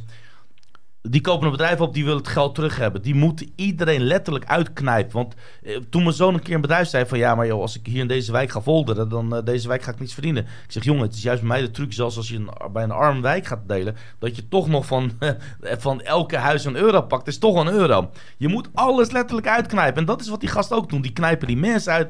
Eh, ze, ze, ze, Je ze, moet ze- kop kapot maken. ja, ik man. maak je hele boek kapot en dan ga ik op dit ding stappen. Maar dat, dat is kapitalisme. Kapitalisme op zijn zuiverste vorm. Ja. Dat is gewoon kapitalisme, ja. Kapitalisme. Inderdaad. Hey, eh, luister, hebben jullie even een fucking onderwerp voor mijn hardcore kijkers, hè? Maar ik wa- was ik wel klaar dan, joh. Ja, ga dan. Jeetje, Nee. Maar er zijn wel echt heel veel mensen. Laat ik even iemand inbellen vandaag. Wie wil het vandaag bellen? Ja, hopelijk Stuur mij een berichtje op apenstaartje is van mij op Telegram. En dan wellicht kom je in de uitzending vandaag. Oké, spannend, spannend, Maar gaan mensen spannend. dan hun telefoonnummer in de chat zetten? Nee, nee, zonder Oh, telefoonnummer. Dus ze sturen mij een berichtje. Apenstaartje is van mij. Eh, dan komen ze met mij en dan zonder, dan kan ik ze gewoon bellen. Misschien kan ik dan wat tussendoor vertellen, of heb jij nog iets? Ga maar. Ehm, ik wilde eh, iets vertellen eh, over kaping van bewustzijn door middel van een eh, voorbeeld. Hoe dat eigenlijk loopt. Waarom? Omdat we vaak, eh, vaak eh, zeggen we zelf, ja, die zit onder mind control, die zit in de matrix. Kijk die, kijk die robot, kijk die NPC. Maar eigenlijk zijn we, eh, letten we niet eh, ook op onszelf, in hoeverre wij kunnen worden gekaapt. Dit is een verhaal waar ik, eh, ja, ik hoop dat je er iets uit kan opmaken. als, als een voorbeeld, zeg maar. En dat was met WK-voetbal. Nou, wat is het geval? Mijn vrouwtje, die, die is Kroatisch. Dus die is eh, helemaal in de band van Kroatië. Kroatië speelt fijn. Ik hou van voetbal. Ik vind het een geweldige sport. Maar de laatste tijd, eh, sinds de eh, voetbalspelers van die hoge hoeden dragen... en meer bezig zijn met hun kapsel, weet je... wat Johan Cruijff ook zei... Ik, ik, ben er van, ik hou van die sport zelf, maar dat kijken, het interesseert me werkelijk van geen ene reet wie er wint en wie niet. Zeg je heel eerlijk. Maar mensen die ervan houden, oké, ik speel het zelf ook graag. Maar, dus bij mij thuis is omgekeerde verhaal. Ik zit hier eh, beneden jonkel te roken en de vrouwen kijken boven voetbal. Snap je? En als ik vretig heb, ga ik naar boven en maak ik een geintje. Kan iemand wat te vreten maken? Haha, rot op, wie denk je dat je bent? Oké, en zelf zitten ze, eh, in dit geval speelde Kroatië tegen Brazilië. Ehm, en ik kom wel eens naar boven, even koffie pakken of eh, chocola. Hier dingen voorbereid, interesseerde me echt geen reet, weet je. En dan zie ik hun dus, ehm, mijn vriendin met een paar vriendinnen. Zich wel best wel lekkere eh, wijven. En ehm, die kijken dus naar voetbal. Maar heel neurotisch, ja. Oh nee, oh nee, ik kan er niet tegen hoor. En dan op Instagram hebben ze ook online andere mensen die dan ook meekijken. En ik zeg, eh, ik vraag alleen van, hoe kan het dat je heel jaar door niks met voetbal hebt en nu ineens met WK eh, zit je er zo in en je bent zo zenuwachtig dat je er niet tegen kan. Ja, maar ik kijk wel voetbal en dit en dat. Eh, buitenspel wisten, ze wisten niet eens wat buitenspel was. Hè? Dus ik zeg, ja, buiten, ja, hoe leg je dat uit? Er was zo'n meisje, bepaalde Instagram-meisje, eh, die legde ik het uit met een voorbeeld van eh, buitenspel en een buitenechtelijk huwelijk, weet je. Je bevindt je op een plek waar je niet mag zijn. Toen begreep ze het pas. Maar waar ik heen wil dus met het verhaal, ik lag hun uit. Ik lag hun eh, vierkant uit, ja. Op een gegeven moment ga ik naar boven en toen werd het... ik ga kijken dus, Kroatië staat eh, 1-0 achter volgens mij tegen Brazilië, verlengtijd. Iedereen dacht ze, ze gaan verliezen en het werd echt fucking spannend. Dus wat gebeurt er? Ik zag hun eerst uit te lachen. Ik ga naast hen zitten. Die begint te kijken. Bam. Ik zit in die wedstrijd ineens. Terwijl, eh, weet je. En Kroatië scoort een goal terug. Zij let er niet eens op. Ik was al in drie minuten tijd zodanig zelf ook gekaapt in die game, in die collectieve minding, dat ik ineens keihard in de lucht sprong. Yes, ze hebben gescoord. En drie seconden later denk ik, waarom juich ik? Het interesseert me geen ene reet.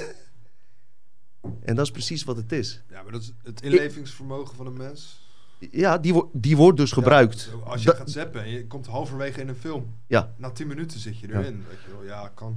Eh, maar het verhaal wat ik erachter wil zeggen is dat ik eigenlijk eerst hun veroordeel, hè, die dames van, eh, je, weet je wel, van, waarom maak je zo druk? Het is maar voetbal. En eh, vijf minuten later zit ik zelf in diezelfde energie, weet je, die eromheen hangt, dat ik er zelf ook in zit. Wat is de boodschap hierachter? Is niet andere mensen aanvallen van, jij zit nog zwaar in de matrix of jij dit, jij gelooft dit, dat. Zo, zo, we kunnen allemaal nog steeds gekaapt worden. Let maar op hoor. Hou je vrouw eh, bij deze kaper uit de buurt door. Hey. Ja, Hey, maar hey. soms heeft je eh, bewustzijn of je hersenen hebben ook wat afleiding nodig. Daar is toch niks mis mee. Als je maar niet daar te ver in gaat. Ik vind voetbal een Ik supermooi sport. trouwens zeppen. Ik vraag me af, zijn er mensen in de comments die dat nog wel eens doen überhaupt? Zeppen. Gewoon tv-zenders Ik, eh, ja, dat is mijn Ja, werk, man. dat? Oké. Dat is mijn werk. Ik doe dat al 20 jaar. Je werk? Ja, mijn werk. Ik zit in de media, lang verhaal. Ah, oké. Ja. Maar gewoon eh, in je vrije tijd... eh, Dansen heb ik ook wel eens, ja. Oké. Ja, dat, dat is mijn manier van eh, eh, dingen. En Maar ik, ik, over, over, over vrouwen, man. Ik, ik, ik, ik, ik heb echt, echt de, de, de, Is het Cindy gezellig beetje op en, de set- Suus, die, chat? Ja, dankjewel. echt, dank- die doen echt geweldig werk. Ja, dankjewel, dames, ja. Als je ook weet van Cindy, weet je, als je zo'n sterke vrouw, zo'n harde vrouw en echt blijft positief in mijn mij dat ik denk van, wauw, wat goed. En ik krijg dan nu ik, heel veel vragen hoor. Ik heb honderden vragen gekregen dat ik denk van, normaal krijgen we nooit de vraag. Vinden ze het leuk deze uitzending? Ja, Vind- volgens mij wel. wat? En ik krijg ook net van iemand Yes. de tering. Dus eh, hey, de tering ook naar jou. Ehm, maar eh, vraag, is er, eh, er is weinig vrouwenvolk te vinden in Dutch Matrix. Esther, dat vind ik ook. Ik zit hier met deze twee gasten de hele tijd. Maar deze gasten Ja. hebben volgens mij vrouwen zou waarvan dat ze nou liggen? lastig doen. Ik denk, Nee, nee, absoluut niet. Nee, man, mevrouwtje. ik zeg je, het is niet bewust. Het is echt niet bewust. Eh, weet je wie er binnenkort komen? Ehm, Esther, stuur cv of nee, een foto. Nee, nee, nee, Dan luister, luister. Er komt wel iemand. Wacht even. Van Next, hoe heet ze nou? Ehm, Ah, jongens, Next, later. van Café Welsmers Next. Wacht even, die eh, eh, heet die Duncan en dat andere meisje. Zet even Andere in de meisje. Andere meisje. Sorry, Ja, ja, nee. moet kunnen. Hey, eh, verspreking. verspreken in ieder geval eh, is een eh, ja dat andere meisje. Ik bedoel niet dat hij een meisje is. Nee. Nee, dat bedoelde ik absoluut Nee, niet hè? zo. Dus zij komt binnenkort. Is een vrouw eh, binnenkort.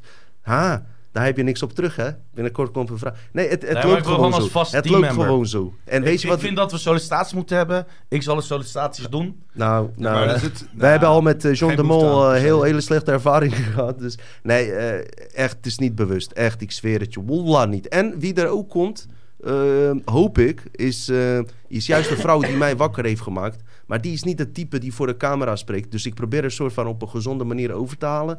Maar daar wordt in principe echt niet Ja, naar en ik had gekeken. ook nog echt die hele leuke meid die ik al heel lang eh, Ja, wilde man. doe daar op, die, nodig er eh, dan uit. Ja, in januari. januari. Oké, Ja, als ik het nog wilt, hè. Luister. De- hey, het spijt me. Oké, oké, luister. Ik heb altijd dingen beloofd. Ik ben altijd alles nagekomen. Ik ga nu vrouwen iets meer voorrang geven daarin. Ga ik ook even wat bewust doen. Eh, uiteraard moet het wel een beetje passen bij deze onderwerpen. En niet te zweverig zijn, hou ik niet van. Zeg ik je heel eerlijk, ik, hou, ik, kan je beter niet komen. Eh, als je, ja, ja. Is dat eerlijk dat ik dat zeg? Nee. Is niet eerlijk van mij. Maar ja, ik, ik hou wel van eh, iemand die ook best wel, zeg maar, zowel, hoe noemen ze dat? Eh, in, de in de matrix ook kan handelen. Niet te zweverig is en alleen maar over abstracte shit praat. Hou ik niet van. Wat, wat zou daar de logica van zijn? Dat eh, in de complotwereld merendeels eh, mannen zijn. Is daar nog een verklaring voor? Nou, ik zou je vertellen, level waar ik over praat, zijn juist vrouwen meer in de... Ja? Ja, Ah, als je het hebt over, de, Nou. over die Draco Reptilians en over de... echt die hardcore shit zitten vrouwen echt er zwaar in. Alleen vaak gaat het gekoppeld aan he- heel hoop Ja, zweverig gedoe waar ik niet van hou. En, En je hebt andere, je hebt die Truman Show, kijk je gewoon lekker naar hem, weet je, eh, als, je- als je dat wil zien. Daar komen genoeg vrouwen. Ja. Oké. Ja. Ladies Night. Maar er zijn zat dames hoor, die, eh, waar we echt wel mee kunnen praten hoor. Ik, eh, weet je, ik, eh, jullie hebben wel gelijk. Ik, ik ga erachterna. Ik ga erachterna. Ja, Ja, jij gaat achter die vrouw aan, ja. ja ik kan eindelijk ik, legaal achter de vrouw aangaan. Ja, Ja, ja, ja. Dus, Oh man, ik weet niet waar ik moet beginnen met die vraag. Ik ga even in de Dutch Matrix Moderators Group even kijken weer waar we helemaal zijn. En dan eh, als je klaar bent voor een vraag, dan gaan we zeker een vraag doen. jij wil je nu eerst even vraag doen? Nou, heb je, heb je nog iets dan? Heb je nog een onderwerp? Heeft Simon nog wat? Ik weet zit te kijken. ja, we Eh, kunnen wat vragen doen, eventueel chatten met de Kunnen we chat. straks ook eh, misschien een filmpje laten zien? Eh, niet Eh, nu nee, gelijk. nee, Eh, geen. Nee, geen filmpjes nee, vandaag? geen- Nou, nou- nee, dan moet ik dat eh, laten Eh, zien. we zijn ook al anderhalf uur verder, hè? Het is niet eh, dat we... Oké, oké. Vinden jullie het leuk? Willen jullie verder gaan? eh, we moeten die chatbot doen. AI. Je Oh, wilde ja. nog mensen gaan bellen. Eh, ik wil wel... Maakt dat uit hoe laat het is? Nee, voor mij, ik heb Ja, alle tijd. Ik heb alle tijd. We hebben alle tijd. Laat alsjeblieft als kijker weten als je denkt van het is genoeg geweest dat we er ook dan gewoon mee eh, nokken. Want ik kan vanaf hier niet zien of het leuk is of niet. Het is meestal achteraf als je kijkt. Soms denk ik ook aflevering was geen reet aan, kijk ik terug. Geweldige aflevering. iets tussendoor iets vertellen. Ja, doe maar. Ja, gaan. Eh, je hebt een YouTube kanaal die heet Hashem Al Gaili. Die maakt eh, computer geanimeerde filmpjes. En laatst zag ik daar een, een filmpje met allemaal een soort Matrix-achtige eieren, maar dan babyformaat. Dat zijn, eh, eh, sorry, ik moet even de bladzijde erbij. Van die, eh, ja, externe baarmoeders, exo-womb, Brave New World babies. Dat boek Brave New World, daar worden mensen niet geboren, maar die komen ook uit zo'n externe baarmoeder. En als je bijvoorbeeld veel arbeiders nodig hebt die niet professorniveau intellectueel hoeven te zijn, doe eens een beetje alcohol erbij, zodat die hersenen iets minder ontwikkelen. Als je professors nodig hebt, dan laat je die juist wel met hoge intelligentie ontwikkelen, zodat je in elke bevolking eh, wat je nodig hebt, heb je precies de juiste mensen. Mensen met dezelfde intelligentie, die zitten ook in dezelfde vriendengroepen. Het is niet dat mensen dan elkaar niet mogen of zo, maar die hebben gewoon andere preferenties van leefkeuzes en zo. Dus ik zat naar dat filmpje te kijken. En dat was een soort van eh, heel bekend filmpje geworden. Ja, misschien, ik weet niet, dat werd erbij gezegd dat het viral gegaan was. Ja, Mhm. Weet ik niet. Maar wat me opviel was, eh, opviel was, was dat het gewoon een computeranimatie is. Maar ik heb geen echte baby in zo'n ding gezien. Maar dan hadden ze het erover dat ze dan in... eh, ik kon het land ook niet achterhalen waar dat, waar dat eh, basis eh, die fabriek stond. Een soort babyfabriek eigenlijk bijna. Maar wat ik me afvraag als ik dat zie... Als mensen zo gecreëerd worden... Wat ik heb geleerd altijd is dat als een baby te vroeg geboren wordt... en hij moet in de couveuse... dan moeten ze een gezonde baby ernaast leggen... Want zonder aanraking van andere mensen sterft een baby. Ja, nee, nee, nee, nee, nee, nee, nee. Dat mag juist niet. Ik heb een keer in een aflevering verteld dat, dat, dat er een keer eh, zoiets gebeurde. En Ja? dat er een, eh, een eh, zuster was Ja. die de regels juist overtrad door een baby ernaast te zetten. Oké. Maar in, als jij in de buik zit van een moeder, negen maanden, dan heb je die connectie met je moeder. Ja. Maar als jij in zo'n externe baarmoeder zit, dan mis je al die connectie met een ander mens. Dat is dat het punt. eerste wat je mist als je ja. geboren wordt. Ja. Nou heb je in de toekomst dus eh, eh, een man die doet net alsof hij een meisje is. En een vrouw die doet net alsof ze een man is. En die trouwen met elkaar, zijn onvruchtbaar. En die bestellen zo'n iets... Ja, eh, kan je het echt een mens noemen? Eh, eh, komt er ook echt een ziel in, vraag ik me dan af, weet je wel? Of eh, heb je gewoon... Maar dan heb je dus een gezin wat samengesteld is uit figuren... die helemaal niks aan elkaar gerelateerd zijn... Waardoor je in de toekomst allemaal van die sociopathische, angstige, eh mensenschuwachtige figuren krijgt. Wat ze misschien ook willen. Zijn In de toekomst? In de toekomst, ja, niet zo verre toekomst. Nee. eh, die gewoon eh, goede consumenten zijn. Omdat ze de hele tijd bang zijn voor alles. Alles geloven wat op het nieuws komt. En overal in meegaan. Bijna alle verzekeringen nemen die er maar bestaan. precies. En erger, alle vaccins en alle rotzooi. Simon, jij, jij hebt dat boek best wel gedetailleerd vaak aan mij verteld, hè? The Brave New World ja, en zo. stukjes ervan. Ja, ik ga hem binnenkort nog een keer lezen. Dan maar- wil ik hem een keer wel ook helemaal ja, hele maar boek ik, ik dacht misschien kan je hier eh, ook misschien als je tijd hebt eh, daar wat over. Want ik heb zoveel mooie verhalen uit het boek eh, gehoord. Eh, wie weet kan je daar Weet je wat wat het is? Ik heb toen eh 1984 en Brave New World heb ik heel snel achter elkaar gelezen, waardoor ik sommige details door elkaar hou. Mhm. Want wat hij net zei over dat eh eh, waarheid-instantie, wat was dat ook weer? Ersan, hij vraagt, wel- hij vraagt wat Die-. Sorry, die- die waarheid, het ministerie van ministerie van Waarheid. Ja, Waarheid, ja, ja. ja. Volgens mij, eh, ik weet niet meer of dat. Volgens mij in 1984 heb je een man die werkt bij een instantie en Ja. die krijgt krantenkoppen en die moet hij dan zwart lakken. Weet Ja, je onder wel? andere, ja. Dat is zijn werk. Nou, Maar die- soms- ja. Eh, daar is het volgens mij in Brave New World is het verboden om verliefd te zijn op iemand. Moet je eigenlijk gewoon, als iemand jou leuk vindt, dan is het eigenlijk eh, eh, sociaal normaal dat je dan met die persoon naar bed gaat, om, omdat die persoon dat nou eenmaal zo graag zou willen. En dan heb je zoiets van, ah, ook lullig, weet je wel. Eh, maar als jij eh, eh, een maand lang alleen maar met dezelfde persoon naar bed gaat, dan gaan andere mensen tegen jou zeggen van, hé, hey, wat doen jullie raar dan? Jullie gaan alleen maar met elkaar naar bed, weet Mm, je wel. mm. Kinderen, dat, dat, dat is wel echt een naar stukje om te lezen hoor. Dat kinderen gewoon echt handelingen met elkaar doen. Op de basisschoolplein, in plaats van tikkertje, dat er nog wat aan eh, toegevoegd wordt aan daden, zeg maar. Waar, wat ik niet letterlijk wil uitleggen in deze mhm. aflevering. Dat is ook eh, wat je nu ziet met dat LGBTQ. Dat er dan eh, in Amerika van die travestieten shows op basisscholen worden gegeven. En eh, Je ziet nu steeds vaker filmpjes van mensen die naar buiten komen met boeken die in de bibliotheken zitten van basisscholen. En mensen lezen dan die boeken voor. En dan wordt er gezegd van, dat mag je niet zeggen in, eh, in de vergaderruimte. Maar die boeken liggen wel in de bibliotheek van een basisschool, weet je wel. Dus, maar ik, ik ga wel een keer dat boek binnenkort, ik heb hem thuis liggen, ik ga hem nog een keer lezen. En dan wil ik wel een keer dat, gewoon dat boek goed bespreken. Oké, oké. En eh, was mijn kamp, die kwam daarna? Die heb ik nooit gelezen. Maar ik weet niet, misschien is dat gewoon... eh, ja, als, ik, als je hem niet gelezen hebt, kan je dan zeggen van... is het een goed of slecht boek? Even een poll, Ersan. Eh, wat vinden jullie ervan als, we- als Simon een keer mijn kamp bespreekt hier op eh, YouTube? Kan je dat even als hij zetten? dat ja, zelf wel? Wacht ja, even, nee. wacht even. Ik, ik heb dat boek niet en ik ga hem niet zelf kopen. Ja. Dat vind ik echt Nee, raar. ja, ik koop hem wel. Ja. Ja, nog even. Doe jij het dan? ja, hoeveel bladzijden is dat dan? Eh, ik, ik weet, ik heb geen idee. Oké, nou ja, eh, in het Engels dan of Nederlands? Eh, laten we dat maar, nee, een geintje. nee, nee, dat is ook niet nodig. Nee. Maar Brave Nee. New World wil ik wel volgend jaar even een, een boekbespreking Ja. over doen. Dat is op zich wel een goed idee. Waar had ik het nou over? Over die eieren met die baby's erin, ja. Oh, ik dacht eigenlijk dat een... Ja, maar die kind mist sowieso... Dat kind mist sowieso die connectie met de moeder. Ja. Want Ja. dat is heel belangrijk. Ja. Dus hoe gaan ze dat simuleren?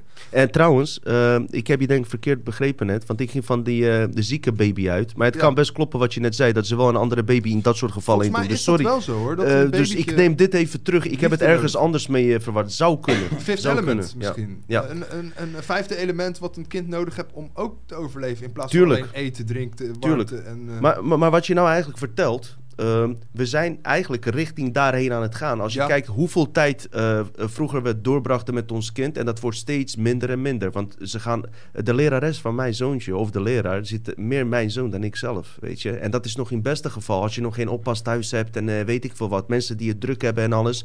En eh, als dit zich zo verder voortzet, is het voor heel veel mensen. Je hebt nu ook vrouwen die een draagmoeder willen, omdat ze zelf slank willen uitzien. Ze willen nog in de markt zijn. Ja. Ja. Mocht het nog uitgaan, er- er- misschien. Er, is, er, is, er is ook een, eh, er is ook een eh, vraag gekomen.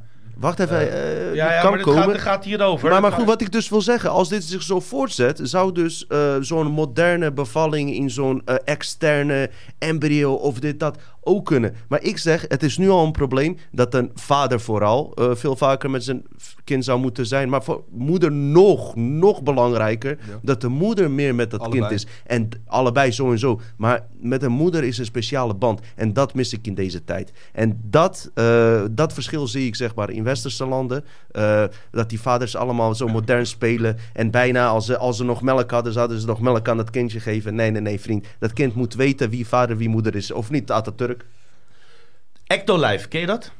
eh, wat is dat? Dat is dus een, eh, dat is een vraag van iemand die zegt: eh, Wat vind jij van Ectolife, Simon? En dus dat is dus een, een, een, een, een, ba- een, een kunstmatig baarmoeder. Dus waar je dus. Oké, een- daar heb ik het toch over. Artificial. ja, dat- precies. ja, Ja, ja, nou, dat, dat- is Ectolife, Dat is een ja. ander woord ervoor. Is een ander woord, ja. oké, Ectolife. Ectolife. Mooi woord. Ja. Hey, hey, Ectolife scherp. kan ook. Maar, Ah, die maar, had- maar die dat, dat is het precies. Maar wat, wat hij ook vertelt, dat gebeurt dus nu al eigenlijk. Want als je niet in de baarmoeder hebt gezeten, heb je nog, nog minder connectie dus met je eigen moeder. Die liefde gaat daar Ja. volgens mij ook weg. Eh, daar wil je heen Je waarschijnlijk. krijgt denk ik van die kinderen die eh, heel snel overstuur raken. En eh, gewoon... Een ja, breekbaar als een ei zijn.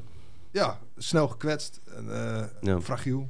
Ja. Je hebt ook een mevrouw, Lisa Mandenmaker, die ontwerpt dan ook weer ehm, eh, voor cuveuze kindjes ook weer van die rode ja, soort ballen. Dat is een soort eh, eh, designer is dat, die maakt dan dingen. Maar die heeft dan erbij gezegd van ja, het is ook voor LGBTQ-doeleinden of mensen die dan niet eh, hun lichaam willen beschadigen door een geboorte of...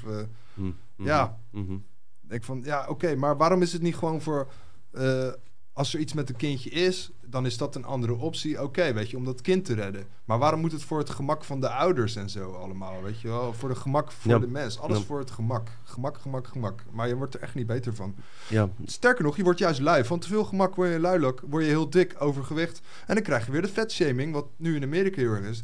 Die, er worden steeds meer excuses gegeven van... ja, fitness is, is vetshaming. Nee, je wilt toch gezond eruit zien? Je, eh, als de dokter zegt je moet afvallen, want het is slecht voor je gezondheid... dan is het een slechte dokter ineens, weet je wel? Ja, gemak. Wat dacht je dan van die vrouw... eh, die Een zo, van de zeven zondes.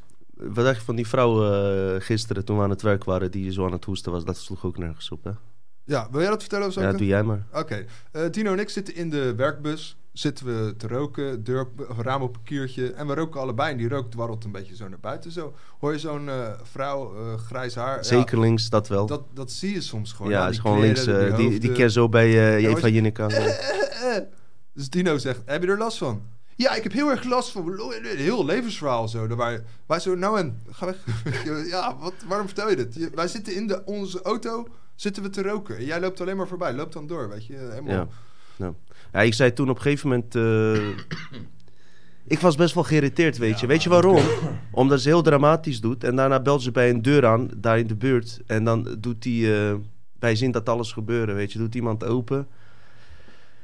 En verandert ze ineens van karakter. Ineens gaat ze overdreven blij doen. Terwijl ze helemaal niet blij is. Ze is nog steeds geïrriteerd dat ik eh, die opmerking maakte. Dus ik zei toen ook, je zou, met, met- je zou maar met zo'n zeikwijf thuis wonen. En ook dat hoorden ze. Ging ze ook nog meer overdreven tegen die anderen doen. Ga je overdreven Ja, hij was een hele irritante vrouw. beantwoorden met positiviteit. Ja. Tot in het belachelijke. Ja, maar eh, wa- waarom kom ik op dit? Waarom link ik dit hieraan? En ik weet niet of jullie dit meemaken. Hebben jullie ook gemerkt dat mensen gewoon nergens meer tegen kunnen? Dat is mijn vraag even jullie als Ja. kijkers. Ze kunnen nergens, ze hebben overal last Hangt van. er vanaf waar je Eerst, komt. eerst zeggen ze je mag niet roken in cafés. Oké, is goed, je hebt er last van. Terwijl iedereen rookt op cafés. Toen ik stage liep, had ik gewoon een eigen asbak en een fucking pak sigaretten. En dan zat ik gewoon mensen te bellen op mijn vijftiende met een eh, peuk in mijn, in mijn smoel. Ja? Ik, nu ik kom uit een mag je niet eens in, een, in je eigen fucking bus mag je niet eens een sigaret opsteken. Want die moraalridders hebben er weer wat van te zeggen. Terwijl ze waarschijnlijk vijf prikken in de donder heeft. Ik Met heb mijn nog- long eh, is niks mis hoor. Ik heb nog gerookt in een vliegtuig. Ik had Ja? nog wel een asbakje in, de, in de armleuning gewoon. Zo, Ja, zo dat bedoel ik. Jongens. eh. Ja. Dat heb ik niet meer Maar mee. ik, ik ben blij dat je niet meer mag roken in cafés, man. Dat is knap als je Serieus. 28 Ja, bent. ja dat is knap. Mensen die Ik stoppen met roken, die, eh, die zijn het ergst, weet je. En die bedoel ik jou niet, maar weet je, Ah, gewoon... mag ik best zeggen. Ik ben, ik ben Toen heel blij. iedereen rookte, niemand zei d- daarom. Op een gegeven moment kwamen, er, eh, kwamen die angstcampagnes. Oh, ho, het mag niet. En het is zo gevaarlijk. En dit en dat. En, en, en stopten mensen met roken. En eh, je ziet het, hè. Nu zijn het grootste, grootste haters geworden. Dus dat, dat wilde ik even kwijt. Ik vond me er beter door. Mijn opa's verjaardag vroeger altijd, joh. Dan waren we echt kleine kinderen. Helemaal je ogen helemaal zo knijpen Ja. van de hoeveelheid rook in die ruimte. En die kaasblokjes waren gewoon grijs van de rook. Ik had een leraar, die rookte Ja. gewoon sigaar. Geschiedenisleraar, die Ja. rookte gewoon sigaar. Terwijl die ons les gaf. Oké, in de pauze rookte die sigaar in de klas. Gewoon aan, aan zijn... En wat dan? Was, met, was met, mis met ons? Weet je? We en dan had je er- nog een leraar, dat Zo- was gewoon een man die er stond. Weet Ja, je wel. zo bouw je immuniteit op, weet je? En wat jullie aan het doen zijn, niet jullie hè, maar eh, de, de me- ze zijn mietjes aan het maken die Je bouwt nergens tegen immuniteit kunnen. door tegen resistent te worden door bacteriën. Je bouwt geen immuniteit door teer en nicotine in je longen te zien je lichaam. Oh, ja, lekker jawel. laagje. eh, Oh, jawel. Een laklaagje. Ja, lekker. Oh, jawel. Ja, gerookt vlees gaat langer mee zeker. Ja. Hey. Volgens mij wel. Ja. Hoe, hoe heet dat hangvlees? Sujuk, toch? Ja man, hartstikke, hartstikke goed. hey, luister, ik wil wat voor de hardcore kijkers, man. Zullen we naar die chatbox gaan? Dat ik even pauze neem, dat jij hier komt Chatbot. zitten?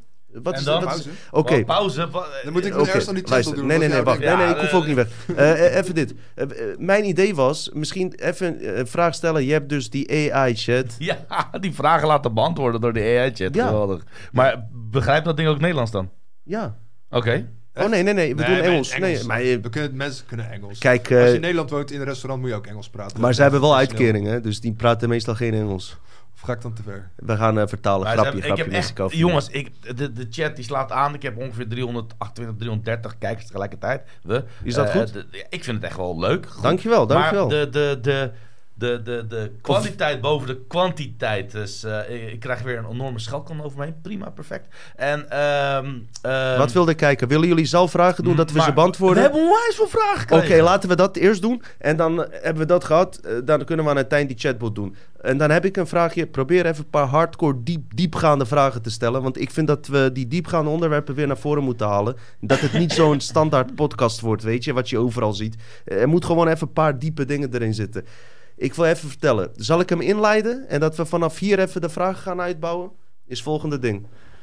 We gaan terug naar de, zeg maar, Matrix. Hoergadiaanse designers die deze Matrix hebben opgericht. Heel veel kijkers die va- vaste kijkers zijn, weten het verhaal van de designers. eh, die deze wereld waar we in leven, de oorspronkelijk hebben opgericht. En dat is niet één god geweest, volgens het ding waar ik mee bezig ben, die ik aan het onderzoeken ben, die ik serieus aan, aanneem. Dat zijn gewoon groepen menselijke, laten we zeggen, wezens geweest. Eh, in samenwerking met cyborg-beschavingen hebben ze deze hele matrix opgebouwd.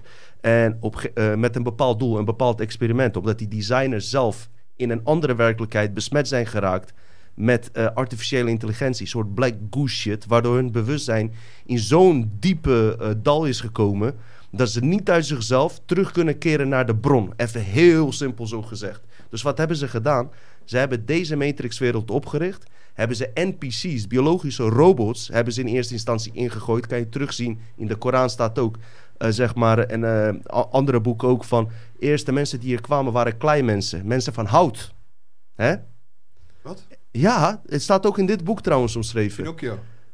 Nou, ik moest daar wel meteen aan denken. In dit boek staat eh, dat, maar hier zeggen ze dat het reptilians waren. Dat ze eerst probeerden, voordat ze Homo sapiens maakten, hadden ze gewoon houten mensen. Dus maakt niet uit. In ieder geval, ik heb het over biologische robots. Denk daarbij aan de film, eh, aan de the serie. World West, eh, Westworld. Ja.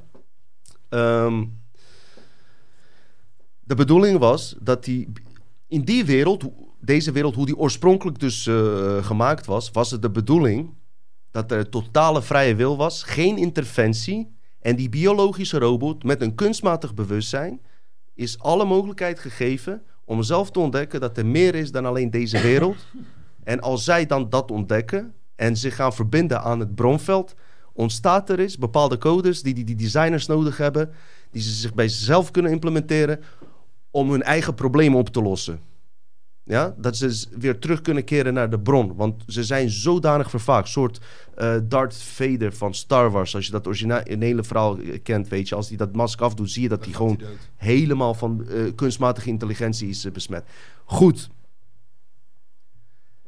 Waar ik heen wil. ehm, wat ik even, even extra informatie daarbij wil geven. Omdat, dit ik, omdat ik dit al eerder heb verteld. Op een gegeven moment kwamen de reptilians. hebben ze ook nog eens die wereld. Die ze, hè, deze wereld die van oorsprong dus van hun was. Hebben ze gehackt. Hebben ze bij die homo, ze kwamen erachter dat bij de homo bij die biologische robots, laten we zeggen, of homo sapiens, op een gegeven moment ook eh, wezens uit de bron waren. Eh, dat ontdekten ze, dat vertelde die eh, Alex Collier. En dat maakte ze bang, omdat die wezens unieke kracht hadden. Daarom noemen ze ook oorspronkelijk de royalty. Oké? En op dat moment hebben ze maar besloten uit angst, ja, om onze hersencapaciteit in te dammen van 100% naar eh 10%, 5 tot 10%. En ons DNA-strengen van 12 strengen naar 2 strengen DNA. Maar wat ze ook hebben gedaan, dat heb ik niet eerder verteld, is onze creatievermogen ook ingeperkt. Op wat voor manier? Eh, oorspronkelijk hebben wij elke eh, nanoseconde triljarden mogelijkheden die de designers hebben ingebed in dit spel, waar je uit kan kiezen. Want alles is al eigenlijk geschreven. Dit is een gescripte werkelijkheid, ook van oorsprong. Dus net als in een spel, GTA, hoe speel jij GTA? Alles hebben de designers al voorgeschreven. Ja, vanuit hun, scenario's. ja, vanuit hun script kan jij kiezen, toch? Ja. Oké, zo hebben die designers dat gedaan. En daar zijn miljarden mogelijkheden. Toen de Draco Reptilians dit gehackt hadden, en die andere groepen, niet alleen Reptilians, maar ook insectoïden, weet ik veel, eh, van Orion, eh, Orion groepen. Toen ze dit gehackt hadden, hebben ze gewoon 95% ook nog van die mogelijkheden die de designers erin hadden staan, hebben ze gewoon uitgeschakeld. En wat wil ik ermee zeggen? In hoeverre heb je dan nog vrije wil als een echte oorspronkelijk wezen? Dat is de vraag die ik stel aan jullie als kijker. Laten we vanaf hieruit bouwen. Weet je waarom ik dat zeg? Er zijn mensen hier die vanaf dag één kijken, godverdomme. En eh, die willen ook shit horen, weet je. Die willen unieke shit horen. Die hebben ons groot gemaakt. Dus ik ga echt zeker, elke keer ga ik over alien shit beginnen. Ik ga iedereen, of ze het nou leuk vinden of niet. Het is niet meer in de mode. Het wordt niet meer gepraat daarover. Ik ga deze shit terughalen. Dus mijn vraag is, in hoeverre hebben we vrije wil als je dit nou hoort? Hè? Zeg dan wat.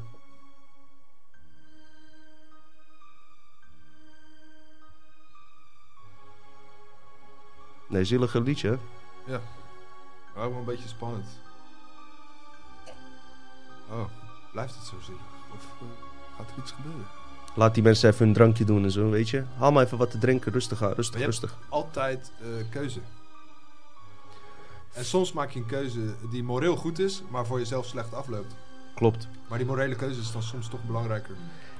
De keuze wordt je gegeven van 100 mogelijkheden, halen ze er 80 uit. En juist dus, eh, die mogelijkheden die ze openlieten, zijn allemaal mogelijkheden die positief voor hun sluiten. Eh, voor de eli- elite mensen eh, goed uitpakken. Alleen die mogelijkheden hebben ze je opengelaten. Dus daarom denken wij dat wij vrije wil hebben. En ik zal je nog wat leuks vertellen. Al die spirituele leer, die mindfulness, al die bullshit. Ja, sorry, sorry, nee, dat is verkeerd. Het is geen bullshit. Er zit hele goede shit tussen. Maar al die ehm, eh, wet van creatie uit het brein. Alles wat je maar kan creëren is binnen die 4%. En die 4% is veel hoor. Kanye West is miljardair. Eh, hij is overtuigd van Jezus, allemaal goed, prima. Je zou kunnen zeggen, ja, hij heeft, hij heeft zijn creatiekracht echt goed toegepast. Zit nog steeds binnen die 4%. Weet je? Het zorgt niet voor een totale omwenteling waar we horen te komen. Snap je? Eh, ik weet niet, misschien ben ik te diep gegaan. Ik wilde alleen even laten weten voor een paar kijkers die weten waar ik het Oh, over ja, heb. heel luchtjes. Dit is gewoon eh, voor hun eventjes. Als jullie niet erg vinden, ik neem heel eventjes pauze. Ik kom zo terug. Nou Simon, dan gaan we het dan met z'n tweeën doen. Weet je wat ik ga doen? Ik ga de camera naar jou richten. Veel plezier. Oh, eh, gooi maar even voor het blok. Ja. Wat zullen we nog eens doen? Weet je, we hebben een vraag. Een vraag eh, Oké, voor Simon. We hebben heel veel vragen voor Simon. vraag voor Simon. Vragen voor ik weet Simon. ook niet alles voor Ik vind het ook eh, soms ongemakkelijk. zo van, zo wie ben ik dan om al die vragen te beantwoorden, weet je wel? Wie ben jij? Jij bent Simon. Ik ben Simon. Eh ken je de Art of Jager? Nee, zeker. Dan gaan we die niet doen. Nee, dat is iemand die eh, volgens mij uit Zweden, nee, weet ik veel, Zwitserland of zo, die hele vage, donkere eh dingen maakte. Dinges. vraag aan Elon Musk. Nee, man, Elon Musk is hier niet. Investment currency, bla bla. Vraag aan Elon Musk. Jullie vragen wie Jezus is. Eh, haha, zet u ons gewoon voor het blok. Stel je plakt een pintvraag. Hij of zij. Er was een vraag voor Simon. Waar is de vraag voor Simon? Ehm. ja, maar goed. We hadden het dus net over die eh Ectolife. Daar heb je het een heel stuk over gehad. Nee. Mm. Heb je nog iets anders? Eh,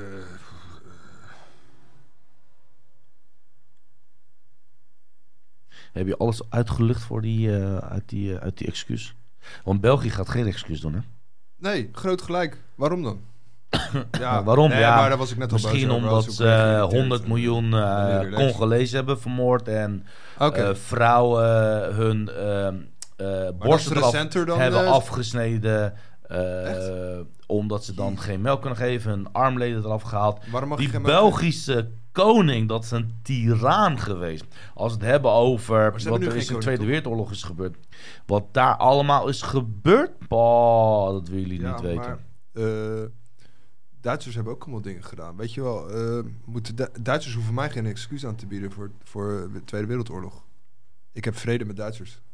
Eigenlijk met iedereen. Eh, Ik heb geen volk waarvan ik zeg van... ah, Oké, Zionisten zijn geen volk.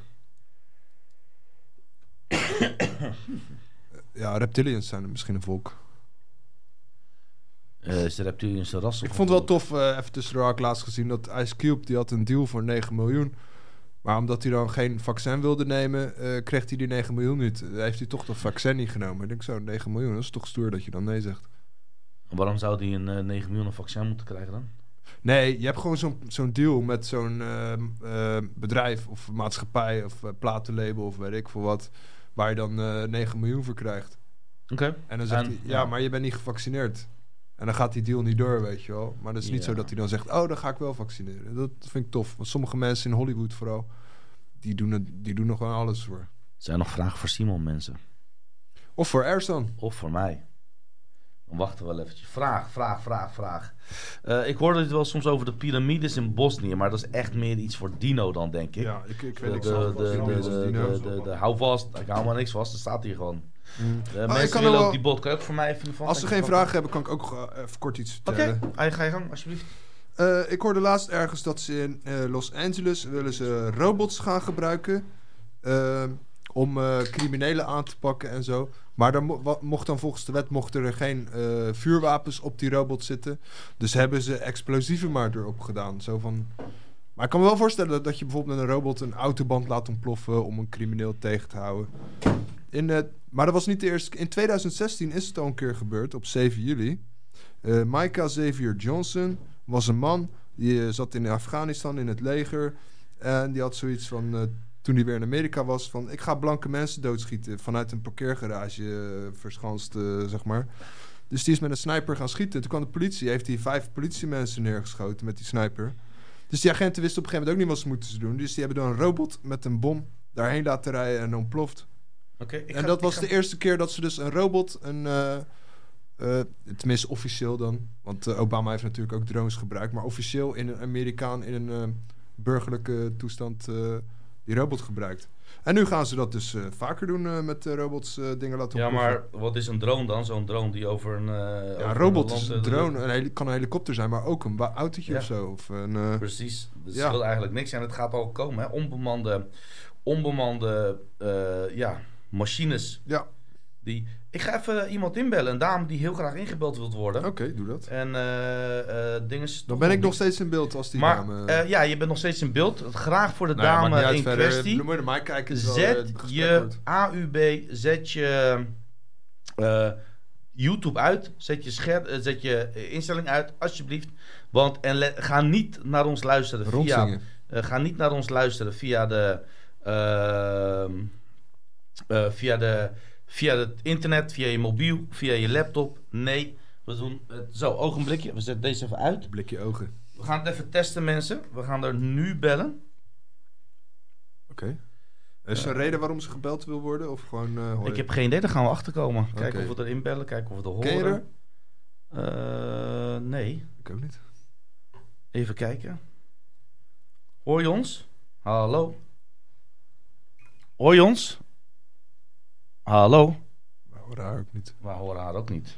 Spreek uw bericht in Oh, ja, de spreek uw bericht in. Nee, dat, eh, dat, dat is... eh, hebben we een nummer gekregen? Mogen we er bellen? Ik ga het nog één keer proberen. De allerlaatste kans. We gaan het nog één keer doen, dames en heren. Goedendag. Dit is de voicemail Nou. van... Die heeft gewoon gelijk een voicemail ingesproken. Ja. Nee. Ehm, ja, nee. eh, blijkbaar wil ze toch niet gebeld worden. Dat is een beetje jammer. Een beetje jammer. Ik had wel gehoopt eh, dat ze wilde bellen. Nee, oké. Nee, Simon. Ehm, nou, nog één keer. Ze zit nu klaar, zegt ze. Ik ga er nog één keer, aller, aller, allerlaatste keer bellen. Goedendag. Dit Nou, die neemt, die neemt niet op hoor. Nee. Derde, ik ga het even doorgeven. Derde keer. Eh, derde keer eh, voicemail. Helaas. Ik hoor geen signaal. Ik heb wel een eh, suggestie voor, voor de mensen. Van als je nou zoiets hebt van... eh, ik wil dat je volgend jaar eh, dit behandelt. Goedendag. Zet het dan eh, niet in de chat, maar in de comments eronder. Want die lees ik bijna allemaal. Eh, ja, eh, kijk, na, een- na een week of twee lees ik ze niet meer. Maar dan, dan eh, als je suggesties hebt van... joh, wil je het volgend jaar daarover hebben? Betekent ook niet dat ik dat dan ook verplicht ben om te doen. Maar misschien zitten er leuke ideeën tussen dat ik denk van... oh ja, dan, dat, dat zal ik inderdaad gaan doen. En eh, je kan ook een mail sturen naar matrixmail voor simon.gmail.com voor suggesties. Eh, mensen sturen wel eens linkjes, video's. Er zitten altijd wel leuke tips tussen. Dus dan heb ik dat ook weer een keer gezegd. Jammer dat we vandaag geen filmpjes hebben. Anders had ik misschien nog wel een leuk filmpje kunnen laten zien. Ja, nee, nee, want als, als we dan, dan worden we weer zo meteen eruit gegooid of eruit geflikkerd en Ah, zo. Ja. Dus ik denk, dat doen we gewoon eventjes niet. Ehm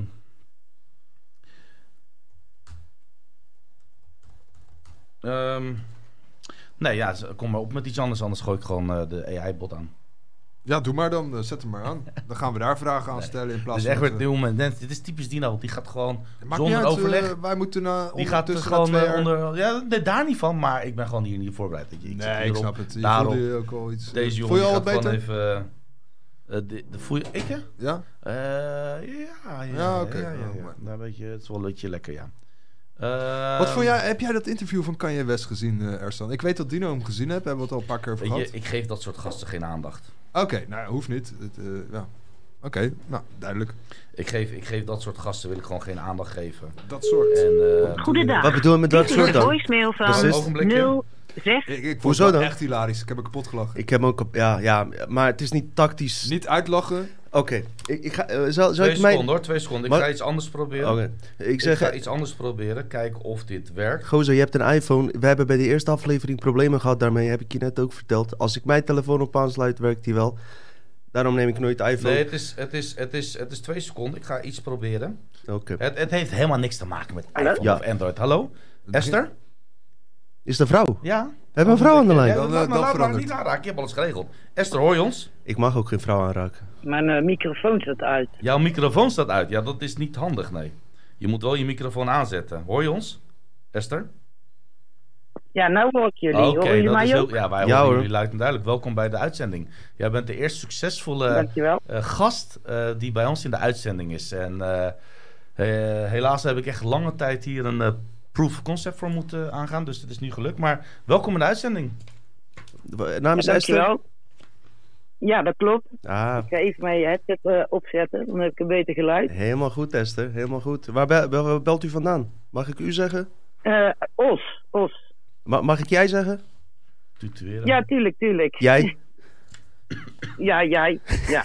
Ja, Esther, bedankt voor het. je klinkt. Je klinkt eh, Ersan gaat vragen stellen. Ik ga me niet mee bemoeien. Dus Ersan. eh, ik- Ja, ik ben graag benieuwd wat jou intrigeerde om in de uitzending eh, te komen, om in, in- ingebeld te worden. Eh, de verschillende onderwerpen sowieso. Want jullie gaan ook best wel eh, van, eh, van, de, ja, naar. van onderwerp naar onderwerp. Dus ik weet, ik, weet, luister, ik hoor nou de YouTube niet. Dus ik weet ook niet eh, waar ik nou eigenlijk eh Maar je Eh, moet ook luister naar je telefoon mijn eigen vooral. beleving over zou kunnen vertellen. Dit gaat heel goed, want vaak ging het fout omdat mensen alsnog naar YouTube gingen luisteren. En dan gaat het heel erg storen. Dus wat je Ja, nu wilt zeggen, ik, je de hebt nu de kans om, eh, om, eh, om aan... eh, we hebben zo'n gemiddeld 20.000 kijkers, dus als je iets wil zeggen, zeg het maar. Ja, nou dan zou ik eens even over de, de, de matrix, om die daaraan proberen te ontsnappen, mijn eh, ervaring daarin willen vertellen. Want het is natuurlijk niet makkelijk. Als je het een beetje door hebt van, hé, ik word nou weer, het wordt mij weer moeilijk gemaakt met wat eh, ik bezig ben, waar ik zelf mee bezig wil zijn. En eh, meestal uh, dat zich bij mij in het, dat de laptop kapot gaat of je, je vergeet dingen, allerlei dat soort dingen. Vooral elektrische dingen die daarop werken, ja, op internet. Maar ik heb een zwarte kat en die vangt dat voor mij op. Iedere keer als ik, laat me zeggen, ga zitten met waar ik mee bezig wil zijn, is het arbeidjes maken, is mijn studie of wat dan ook. Eindelijk kan ik daar, is alles rustig, kan ik daarmee aan de slag. Al is het een boek schrijven, staat die kat aan de deur. Miauw, miauw. Dus ik word weer uit mijn, uh, dat mm. waar ik wil mee bezig zijn, gehaald. Mm. Moet die deur weer gaan openmaken, kat binnenlaten. Maar als die kat er niet was geweest, dan uitte zich dat altijd in bijvoorbeeld, um, ja, dat je je, je kniptang voor je armbandjes niet kan vinden. Of hè, in dat soort dingen. Wat of naar de wc constant Dus moeten. Ja, ja, dat, eh, Dat heb ik, eh, minder heb ik daar last van. Maar, heb- maar ik leidt, heb het, liever dat, leidt het toe naar een vraag, Esther? een, eh, een vraag daarin. Ja. Ehm, ik zal ik dat eens even ehm, een vraag van maken. Ik heb eh, eerder meer een. dan zou ik eerder een vraag aan Dino hebben over de, eh, de Bosnische ehm, piramides. Want ik heb daar eh, drietal stenen van. Die heb Kijk, ik, eh, we hebben er ook een hier, je hele ziet. fijne. Wat zeg je? We hebben er ook een hier, eh, als het goed is. Komt over vijf seconden in beeld. Ja, komt, ja, komt Maar dat moet je niet naar opletten. Oké, Nee. ja, vertel maar. Sorry Esther. Nee, nee, nee, die kan ik niet zien. We zijn enthousiast. We hebben eindelijk een keer een vrouw eh, in de studio, weet je. Virtueel. Virtueel. Ik heb Niet eh, giraal. drie eh, ruwe stenen uit die eh, piramide. Ja? Eh, dat is ook een, eh, ja, ik kan reclame maken voor de winkel. ja, doe maar joh. Maakt niet uit. Hoezo niet dan? Wie zijn Uh, het? Dragicam heet de winkel. En, van, van eh, wie mag je je die reclame niet maken? Ja, maar de vraag, even de... Nee, laat even reclame maken voor die winkel. Hoe heet die winkel? Ja. Maar was jij toen jij, eh, eh, jij, jij woont, eh, jij komt eh, van origine, ehm, eh, je bent geboren daar in Bosnië. Ja, zeker. Waren die piramides toen ook al? Ja, die waren er wel, maar wat Ja, ja. ik bedoel Nee, is oké. bekend. Eh, nee, ik, ik kan je wel even vertellen. Eh, wil je eerst, je, je hebt dus die stenen uit die bepaalde winkel gehaald. Eh, we- weet je, ik doe nooit moeilijk. Doe maar reclame over die winkel, weet je. Geen probleem. Eh, wat maakt het uit? Hoe heet die winkel? Dragikamen. Oké, en die verkopen dit soort stenen. Ja, dat klopt. Oké, super, super. Dus eh, weet je, al die dat gedoe ook, dat je eh, reclame niet mag maken. Zie je, deze flesje water is van mijn vriend Nijo. Ik kreeg er niks voor. Ik maak toch reclame voor hem. En hij doet dat ook voor mij. Dat is uit hard werken. Zonder eh, eh, vooraf plannen en zo. Dus dat wilde ik alleen even zeggen. Sorry Esther, ga maar verder. Ik kom inderdaad uit Bosnië, waar die de- piramides vandaan komen. praat over de reclame over de reclame. Ja, ik ben met Ja, de mensen van Dragikama halen die stenen ook zelf uit, uit de piramide daar. Van de stukken die goed zijn. Stelen ze dat? En eh, ze zijn ook nog best wel groot aan wat je krijgt. Want ehm, ja, het is een stuk eh eh, citrien wat ik heb. Ja, Mhm. dat, als je daar kleine stukjes uithaalt, dat, eh, ja, voor een sieraden maken, dan Mhm. is het echt, eh, wordt het kostbaarder dan dat je eigenlijk betaalt Sowieso, voor dat sowieso. beho- behoorlijk krachtvol, echt. Ja. Eh, even, En wat, wat was je vraag? Ja, een, eh, ja. Oh, sorry, ja, ga een, maar, eh, een boekje eh, voor jou. Dat wil ik iedere keer opsturen. Dat is over oud-Joegoslavië. Ik ben daar zelf eh, in eh, 87 en 88 doorheen gereden. Wauw, mooi. Toen was de Ja. tijd, eh, wa- was En, er een eh, goede daarna- tijd. Ja, dat was eh, de- net eh, twee jaar voor eh, eh, ja, de, Ja, de weg werd gebombardeerd. Dat je er niet meer doorheen kon. Ja, we waren Ja. op weg naar Griekenland al. Mag ik vragen hoe oud u bent, mevrouw? Ik ben eh 46. Oké, oké, dan... Wat zeg ik, mevrouw? We ze- je, je bent, eh, je bent even oud als Ersan bijna, man. Nee, het is tien jaar verschil tussen, man. Nee, een grapje. Maar eh, hoe heet het? eh, Oké, goed. Dus, dus je hebt echt die Joegoslavië gezien, zeg maar, hoe die was toen. Wa- wa- wat Ja. was je idee daarover? Wat vond je daarvan? Nou, wij reden door naar Camping Kestel in Griekenland. Daar hebben we twee keer geweest. En er waren heel veel Joegoslavische mensen op de camping. En ik heb daar ook van een Europees volleyballer heb ik leren volleyballen. Ik had in eh, Senta een vriendinnetje, Tanja. Mhm. En ehm, ja, het, was, eh, het waren hele lieve mensen gewoon allemaal. Fijn om te Maar horen. ik heb eh, nu hier in Nederland ken ik zowel mijn oudste dochter, die heeft uit Sarajevo Mhm. een vriendin. Die willen haar altijd meenemen, maar om te Maar ze komt elke keer weer naartoe. Maar terug. dan moet je een echt paspoort hebben. Ja. En mijn jongste dochter die heeft familie uit Bosnië. Oh ja, Dat is ook heel leuk. Eh, Oké, Ja. Dan schakelen we even naar die piramides. Hè. Eh, wat was je vraag over de piramides eh, daarvoor? Eh, wat wilde je stellen? Wat wilde je weet weten? je wanneer die eigenlijk ontdekt zijn? Dat die, Ja. dat die kracht en dat het daar stond. Ja, ga ik je heel graag vertellen waarom. Omdat het absurd is dat ik dit nooit eerder heb behandeld. We hebben honderd afleveringen gemaakt en ik ga niet eens over piramides uit mijn eigen land, zeg maar, waar ik vandaan kom. Eh, Tuurlijk niet. dus Ja. het, op een, omdat ik werk dus op, op gevoel. Het is nooit zo gekomen. Ehm, even kijken, volgens mij in 2012, Semir Osmanagic is een, van oorsprong een Bosnier. Die is geëmigreerd naar Amerika. Die heeft daar een PhD afgemaakt in Ancient Knowledge. Het is een soort Erik van Danneken en Graham Hancock. Ken je? Ja, Ja, toch? Eh, Een beetje die richting. Ik- Area 51 denk ik. Nou, nou, niet Area 51 is dat meer dat UFO. eh, het is meer van ancient, eh, ehm, zeg maar, eh, verloren civilisaties. Graham Hancock Oh, en ja. zo. En ehm, Eric van Danneken is natuurlijk van Ancient Aliens. En eh, hem kan je best in die categorie plaatsen. Semir Osmanagic, oké? Het is echt een eh, geleerde dokter. Ik heb hem twee keer ontmoet. Ook een echt een goede man. eh, uit het hart goede man. Volgens mij ergens in 2012. Als ik het niet goed heb, zet even in de com- comments de jaartal erbij. Hij gaat op vakantie dus naar Bosnië. Ehm, zonder bedoeling. Op een of andere manier komt hij bij plek Visoko komt hij terecht. En hij was net daarvoor in een museum geweest van oudheden in Visoko. Maar niemand wist dat die piramides daar waren. Dus we praten nu... Of was het 2006? Ik denk 2006. Zet het even in de comments. Het is eh, best wel, be- best wel eh, eh, lang geleden, zeg maar. Je hoeft niet te bukken, Simon, trouwens. Ik heb de scherm even op een andere plek gezet. Wat gebeurt er? Op een of andere manier kreeg hij een ingeving om stil te staan. En hij staat stil. En hij ziet die vier bergen. En eentje leek op een piramide. Uiteraard denkt hij van, ik verbeeld mij. Maar ja, hij weet al die hoeken uit te rekenen van eh, waar de zonsopgang is, eh, de leylines en... ehm, Ja, en, eh, want het is niet één piramide, hè. het zijn er drie of vier. Piramide van de draak, van de zon, van de maan, noem maar op. En nou alles... interessant. Dat van een draak. Ja, hè? daarom ben ik ook geen Ja. voorstander van piramide. Nou, weet je, dat is een verhaal apart. Ik denk namelijk dat die piramides niet dienen voor de mens, maar dat is een ander verhaal. In ieder geval, hij kwam er zo achter door eh, in eerste instantie een paar logische, eh, ja, eh, eh, door te kijken waar gaat de zon onder en eh, eh, hoe zijn die leylines en hoe is het, als je het vergelijkt met die Egyptische piramides, alles kwam overeen.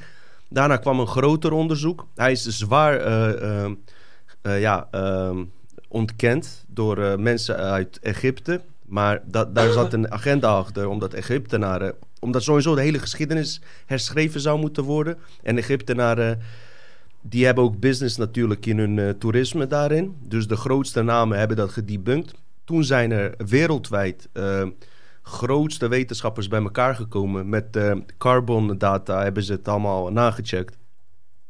Hebben ze ontdekt dat er inderdaad gangen zijn in die piramides. En toen zijn ze ook begonnen met het graven van die piramides. Want die piramides eh, die zijn ooit gemaakt en vervolgens door een beschaving weer ingegraven. Die gangen zijn ondergrondse gangen van 18 kilometer lang die ze aan elkaar verbinden.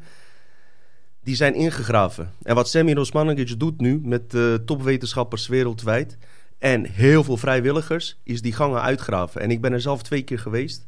In de beginfase en vier, vijf jaar geleden. En eh, daar zijn monolithen stenen gevonden. Er zijn genoeg dingen gevonden om aan te nemen dat het om echte piramides gaat. Maar het probleem is dat eh, de geschiedenis eh, ge- herschreven zou moeten worden. Omdat het één, de grootste piramide is, officieel dan. Er is nog een grotere in China, maar die wordt ook ontkend. Dus dat klopt dan al niet. En eh, hij is minstens 35.000 jaar oud. En dat klopt niet met de theorie van Darwin. Dus eh, daarvoor houden ze dat tegen, zeg maar. Ja, ja, die Darwin die laat ik even buiten hier. Maar zou die piramide dan ook niet eh, met, de, met de Krim samenlopen? Als, daar, als je dat mag geloven dat daar een alien ark is, dat het allemaal zo'n gebied is? Dat eh Zou kunnen. En ik heb, oud allemaal is? ik heb één keer aan Semir, hij was in Amsterdam, gaf hij een lezing. eh, heb ik hem gevraagd, eh, zou dit eh, iets te maken kunnen hebben met Anunnaki? En die, waar we het over hebben, dat zij dit gebouwd hebben. Hij zegt, ja, daar heb ik ook aan gedacht. Maar dat is niet zijn specialiteit. Ook al weet die man nog veel meer dan wij denken. En vaak zijn deze mensen niet 1, 2, 3 bereid om alles zomaar te delen. Kijk, ik heb niet echt een wetenschappelijke achtergrond. Ik deel alles gewoon wat ik weet. En hij is wat slimmer daarin. Dat doet hij heel goed eh, door eh, gewoon op feiten te baseren. Echte feiten die hij heeft. Ja, en dat zijn echt Historisch redeneren. precies. En wat ik vaak doe zijn ook aannames. En gewoon mensen even laten denken van... eh, hè, wat voel je hierbij? Maar hij is vooral meer bezig te bewijzen. Want hij wordt al... Zelfs door de Bosnische eh, elite clubjes wordt hij zwaar tegengewerkt. Maar wereldwijd ook, weet je wel. Dus hij moet wel echt met keiharde feiten komen. Hij kan niet nu aankomen... Anunnaki heeft dit gebouwd. Want dan gaan ze dit tegen hem gebruiken. Wat ze ook bij andere mensen ook doen. Zoals David Icke met reptilians en noem maar op. Weet je, daar pakken ze je op je dingen die je niet kan bewijzen. Dus hij richt zich vooral ja, op ja, ja, dat dingen die je wel kan bewijzen. kan hij niet bewijzen. Dus Precies. dan, dat, dat gaat ook in het krediet voor zijn onderzoek wat hij wel eh, aan feiten gevonden heeft. Klopt. klopt. Nou, Esther, dankjewel voor je vraag. Nou, Ja. eh, Ja, sorry. eh, ben je tevreden met dit? Eh, weet je, Ja, ja, ja, ja, mooi uitgebreid antwoord. dankjewel. En wat ik erbij alleen kan vermelden, ik ben er geweest. Wat bijzonder ook daarvan is, het is daar altijd 15 graden. Dus als het buiten eh, min 20 is of plus 40 of 30, daar is het altijd 15 graden. Eh, waar je ook kan, eh, onder loopt er altijd, ik heb daar een meertje gezien. En dat meertje is, eh, daar zijn 10.000 jaren mensen niet geweest. In dat meertje, ik heb het gezien binnen in die piramide. Dat meertje is door dokter Ja. Imoto, toen die nog leefde, onderzocht. Daar zaten waterkristallen in die nog uit de oorspronkelijke matrix komen, zeg maar. Ja, ik ken, eh, in Griekenland heb je de Meteora, daar ben ik geweest. En daar heb je ook een grot waar iconen zijn bewaard gebleven. En daar is ook Maria verschenen. Daar heb ik nog altijd water eh, van. Mm, mm. Dat is ook onder een eh, grot waar water eh liep. Bijzondere dingen. is misschien wel hetzelfde wat dan daar naar Ja. Bosnië loopt, denk ik. Ja, en eh, weet je, en, eh, ze zijn nog steeds aan het opgraven. Het is gigantisch groot en ze vinden dagelijks weer nieuwe dingen. Het is gewoon goed misschien om... Sammy Dosmanagic heeft ook een eigen YouTube-kanaal. Kijk daar zeker naar, want hij doet het in het Engels. En eh, hij praat best wel duidelijk. Het is een hele interessante, slimme man. Dus dankjewel voor je bel eh, belletje, Esther. Superleuk. Ja. Ook dankjewel. Geen dank, Esther. Goed Doei, doei. zo. Heb je nog een nummer dan? Ik heb wel nog een nummer. Ik kan nog wel bellen. Ik heb nog meer nummers. Oké. Komt u maar, mensen. Ja, moet ik bellen? U kunt ons bellen vanavond. Call TV. U kunt de prijs winnen als u eh, vol- volgende woord raadt. Kennen jullie dat nog? Mensen uit onze generatie Call TV. Wat een scam was dat, zeg hé. Niemand won ooit wat daar, hè? Wist je dat? Moesten ze ook van de buis halen. Wat? Wat? Call TV, ken je dat niet meer? Kal, kal, kal. Smiddags. Ja, dat was toch zo. eh, Net volgens zoals mij. die uh, waarzegsters, dat je gewoon... Dat kwam daarna, ja. dat was je- voor eh, mensen die eh, geen werk hadden en thuis waren de hele dag. Mhm, Nou, dat waren wij. Nou, Nee, nou, grapje, nou, nee. Vroeger had je nog huisvrouwen. Ja, en dan kwam de melkboer. Dan weet je wat er gebeurde. hè?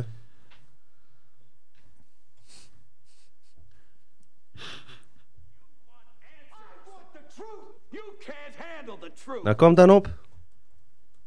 Kom maar op met die vragen, man. Ehm, ah, ik, heb, ik heb heel veel vragen. Ogenblik. Kom dan, kom dan, kom dan. Ehm, Even een beetje ja, tempo, weet je, man. leven in een simulatie. Kijk, de, de, die, die vraag heeft hij net al hij op, op zijn manier al beantwoord. Ik denk leven in een simulatie. Denk jij, wat denk jij dan? Ik, ik denk, als je dan mij vraagt, de keuzes die ik maak, geloof ik dat ik die zelf maak. Uit mijn eigen hart, uit mijn eigen brein. Uit mijn eigen hartbrein. Leef ik dan in een simulatie?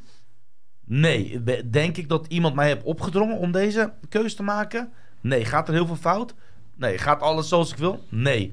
Ehm, leven we misschien in een, zoals jij zegt, in een artificiële wereld, zoals in een Matrix? Simulatie. Dat sim- le- leven we in een virtueel simulatie? Ben ik gesimuleerd? Geloof ik niet als ik gesimuleerd ben? Nee. Kunnen we in een simulatie leven? Ja. Maar als je dan echt naar kwantumfysica gaat, wat is echt? Is kleur echt? Is dit echt? Is hardheid echt? Is, ehm, ehm, bestaat het uit frequentie? Bestaat het uit moleculen? Ehm, ja, weet je, dan ga, je, dan ga je heel diep. Dus ik geloof ik dat we in een vorm van simulatie zijn. Eigenlijk wel. Of het een, of het een godsdienst is, of het, of het, een, eh, of het een, eh, een plugin is, of dat het een, een, een, een, een basis is van eh, at- atomen, eh, eh, eh, nanoatomen, of wat dan ook. Ja, dat wel dan. Of kijk, eh, ik wil sowieso nog een nieuwe Matrix-aflevering maken. Wat die simulatie wat meer uitlegt. En eh, ik heb er al eerder aflevering over gemaakt. Een van de eerste afleveringen, Matrix Deep Level. Kijk, daarna staat in- interessante informatie in. eh, wa- wa- waar je aanwijzingen kan vinden. Waardoor we wel eh, in zo'n eh, type wereld zouden kunnen leven. Zoals je inderdaad in de film Matrix zit. Oh, zeker, zeker. Als je in een computerspel eh, speelt, zeg maar first-person shooter of zo, waar jij naar kijkt, dat is op je scherm. Maar alles wat buiten je scherm is, dat is er helemaal niet. Totdat jij eh, je camera stuurt of andere kant op kijkt en dan wordt het opgebouwd. Waardoor wij, eh, denk ik, als mensen, als, als er ergens mensen zijn om iets te zien, dan is het er. Maar als er niemand iets, om- dan ga je naar de boeddhisme, weet je wel. Van als een boom omvalt, maar er is niemand om die boom te horen vallen, eh, maakt hij dan wel geluid? Mhm. Ik Mhm. denk, nee, want die trillingen in je oor, die, die maken dat geluid in jouw hersenen. Het feit is wel dat de nieuwste wetenschap, eh, zeg maar, de modernste wetenschap, eh, zelfs TU Delft en zo, eh, dit eh, nu als enige, tenminste, dit als een serieuze theorie eh, aannemen. Dus het wordt in de topwetenschap wel heel erg. eh, Kleur is, ook een kleur is ook een spectrum dat onze ogen doorsturen naar onze hersenen. En her- onze hersenen geven een bepaald kleur aan dat identiek is voor ons allemaal. Omdat Oké. we allemaal zo zijn voorgeprogrammeerd. mhm. Natuurlijk, dus ja. Maar goed, ehm, Dino, ben jij bekend met de series boeken over de piramides in Roemenië? Nee, nee, Nee, nee, nou, nee, nou. helemaal niet. Zullen we. Geef inzicht, ja. ja? Ja? Ik dacht misschien, eh, hoe lang zijn we nou bezig? We zijn eh, twee uurtjes, denk ik zo. Twee uurtjes, oké. Misschien nog een paar vragen doen en nog een paar vragen via de AI, want dat Ja, had ik laten beloofd. we gelijk naar de AI. Laten we, Laten we daar, daarheen gaan. Weet je waarom? Omdat heel veel mensen dat interessant vonden, ik ook. Eh, nogmaals, dat AI-ding, eh, ik wil dat wel graag doen. Omdat als je kijkt wat, wat het nu al doet, hoeveel informatie het heeft, hoeveel informatie heeft het over vijf jaar, tien jaar, door zoveel data dat verzameld is. Dit is de AI waar de gewone volk toegang voor heeft. Maar wat dacht je van de AI die bij de DARPA-groepen zit? Daar heb ik ook afleveringen hebben we over gemaakt, eh, van waar echt alle informatie eh terecht komt. Dus ook jouw dagelijkse doen en laten. Ehm, die, eh, al die ja, privacy schendingen hebben misschien wellicht ook te maken met het feit... niet dat ze je per se moeten bespioneren... maar meer jouw gedrag willen weten... dat ze dat weer Of kunnen bepalen. kopiëren. Ja, allebei eigenlijk. Chatbots. Ja, maar dat, dat ze ook gewoon eh, menselijk gedrag willen analyseren... en dan plaatsen in kunstmatige intelligentie. Dus eh, ja, hoe ga, als dit, dit zich nog meer ontwikkelt komende jaren... eh, gaat heel erg interessant worden. Vooral als er straks klonen of robots worden gemaakt... die gewoon, ja, die zijn er al, die echt op mensen lijken... en intelligentie van zo'n AI-chatbox hebben... kan je in principe gewoon hier aan tafel zitten... en dat mensen gewoon dus niet merken dat hier een robot aan tafel zit. Weten jullie eigenlijk waar ik heen wil? is altijd de vraag van... is dat niet al het geval? Dat is eigenlijk wat ik hard wil maken. Dat is dat NPC-ding waar we het over hebben van... is dat niet al aan de hand? En dit probeer ik door de techniek die we nu hier hebben... ehm, zo uit te leggen, zeg maar. Dus eh, ik weet niet of die website nu ook voor mensen... eh, ik kan die website eh, even delen. Welke vragen zullen we doen? Kan je even een paar vragen... Even... Do we live in a simulation bijvoorbeeld? Nou, Die laten we we daarmee beginnen. Vraag het aan de, eh, aan de chatbot, zeg maar. En eh, misschien dat mensen daar, daarin mee kunnen kijken. Do we live in a simulation? Do we live in a simulation? It's definitely a possibility, zegt hij. Oké. Wat voor vraag nog meer? Zeg Nou, maar. ga, ga daar, eh, zeg dan van... eh, eh, how do you know that? Of zo.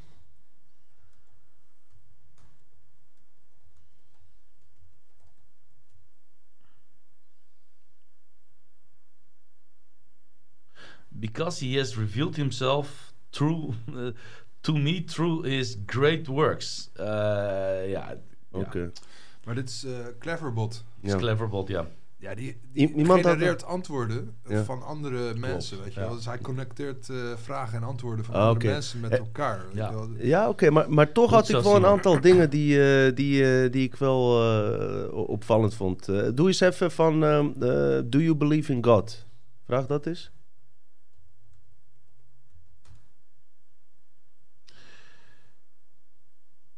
Believe is het trouwens. Ja, nou goed. Hij weet alles. Maar wat, wat, wat even nog... eh, wat, ja.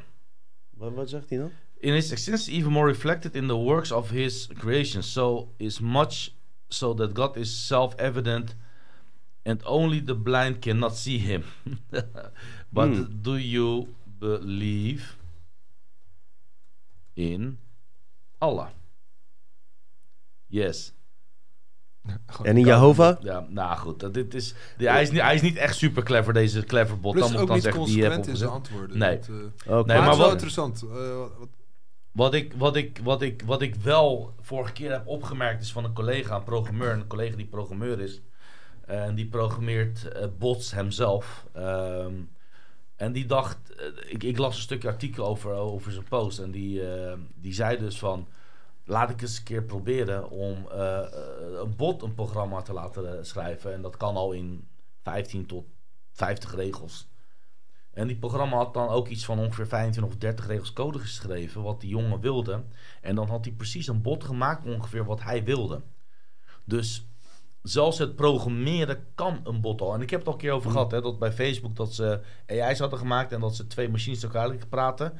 Dat ze op laatst hebben uitgezet omdat ze niet meer konden bijhouden in welke taal. Dus die AI had op het laatst zijn eigen taal gemaakt, wat mensen niet meer begrepen. Om met elkaar te communiceren. Hoe gestoord is dat? Hm.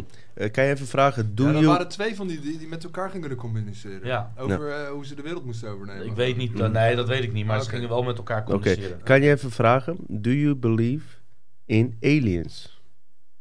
Ja, maar dan, dan is het dus wel, dus niet, dit, dit heeft hij puur geleerd van iemand anders. Ja, maar dat doet, AI leert sowieso van iemand anders. Van wie anders dan? antwoord wat mensen Ja, denken. maar dat geeft ook weer wat de groepscollectieve gedachten zijn over deze onderwerpen. Daar wil ik eigenlijk is weet je. wel, eh, inderdaad. Ik weet heus wel dat die AI dat niet Ja. uit zichzelf doet. Logisch toch? Van wie moet hij het anders hebben dan?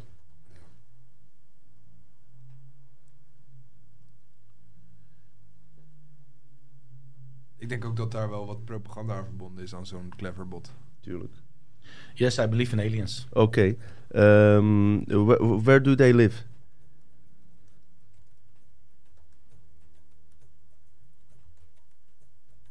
In space. Ehm, Oké, kijker, eh, alsjeblieft. Even, even een goede vraag, man. Ze is niet zo... Ja, eh, jij- jij- kom maar, dit is jouw, dit is jouw Oké, stukje. Jij do moet met you, vragen komen. ehm, ehm, even kijken, oké, oké, oké, oké. Ehm, Is de eh, Flat Earth, vraag even of de wereld plat is.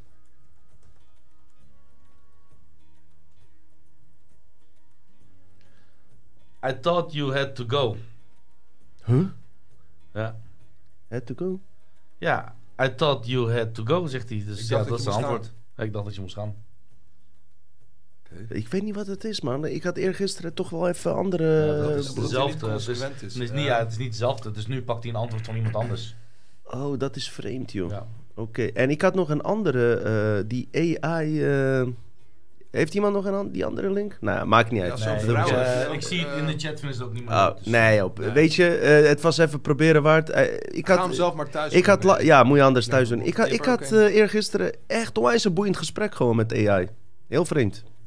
Heel boeiend gesprek, maar maakt niet Het uit. is ook dat je dingen zelf interpreteert, eh, sommige antwoorden. Kan Ik, ik stel voor dat we nog een paar vragen doen. En weet je, dan is het genoeg geweest. Anders wo- wordt het veel te lang, weet je. En, eh,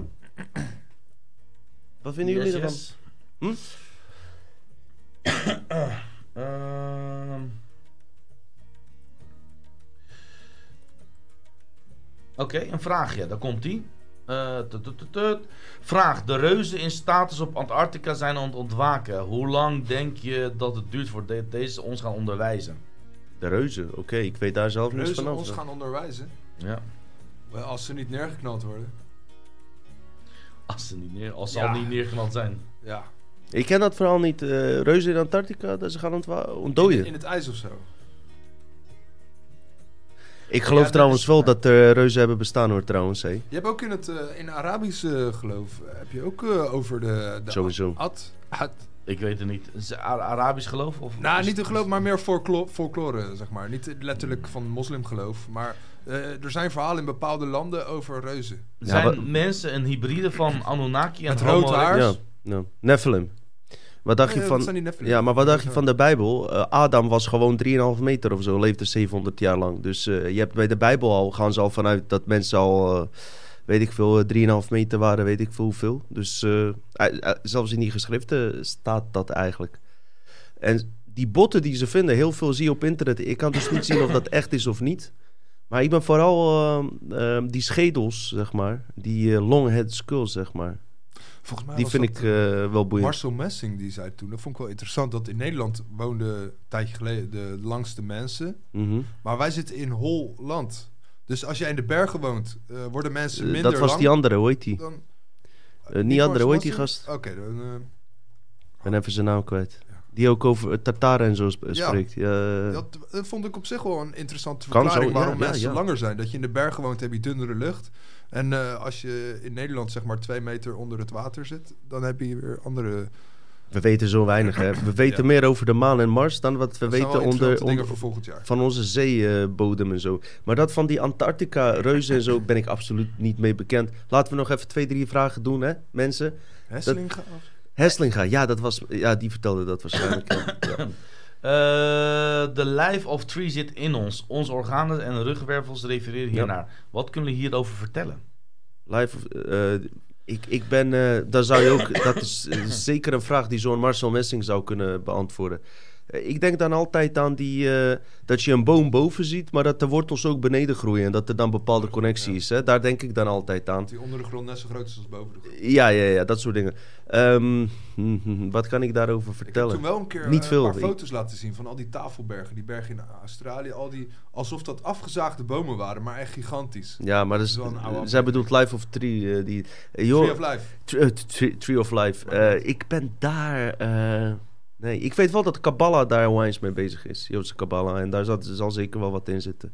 Kan je daar helaas niet veel wijzer. eh, anders moet ik eh, dingen roepen die ik eh, niet goed weet, weet je. Celia T. vraagt aan Dino. Of nee, ehm, vraag aan Dino. Wil Dino een keer met de jurk aandoen en in de podcast hosten met een vrouwstem? Met de vrouw. Waarom met de jurk? Met een vrouwstem, jij. Dus jij moet een jurk aandoen en met een vrouwstem. Nee, heeft, eh, van die Eddie Murphy dingen en zo. Nee, dat moet je niet doen, man. Geen, eh, Nee. Eh, zijn mensen Zwaar, een ja, hybride nee. van Anunnaki en Homo erectus? eh, ik zal erover Homo nadenken. erectus. Krijg je van Dino met een jurk. Zie die. Dit is wel een vraag die, eh, die Dino kan beantwoorden, toch? Wat waar beantwoorden we in zijn, in zijn mening dan? Zijn mensen een hybride van Anunnaki en Homo erectus? Ja, dat is een fucking goede vraag. En dat is precies wat laatste eh, afleveringen ter sprake kwam, is hoe zijn wij ontstaan? Ja? eh, maar als we met we praten, ah, dan eh, kan je identificeren met het lichaam wat we hebben en het wezen wat we zijn. Dat zijn twee verschillende dingen. Maar als we praten over het lichaam, denk ik wel steeds dat, me- ja, is bij velen bekend, dat er genetisch gemanipuleerd is. Ja, daar hebben we het constant over. Dus dat we een soort van hybride uitkomst zijn, geloof ik zeker. Want we hebben een reptiele brein. Ik denk niet dat die oorspronkelijk in... bij de mens hoort. Maar aan de andere kant, we zijn eh, opgebouwd uit 22 verschillende alienrassen, wordt er verteld. Dus ja, dat we genetisch gemanipuleerd zijn, geloof ik zeker. Alleen met welk doel dat in de kleitabletten staat en wat er wordt verteld in de um, doorgaans uh, complotmedia, zeg maar, complotwereld.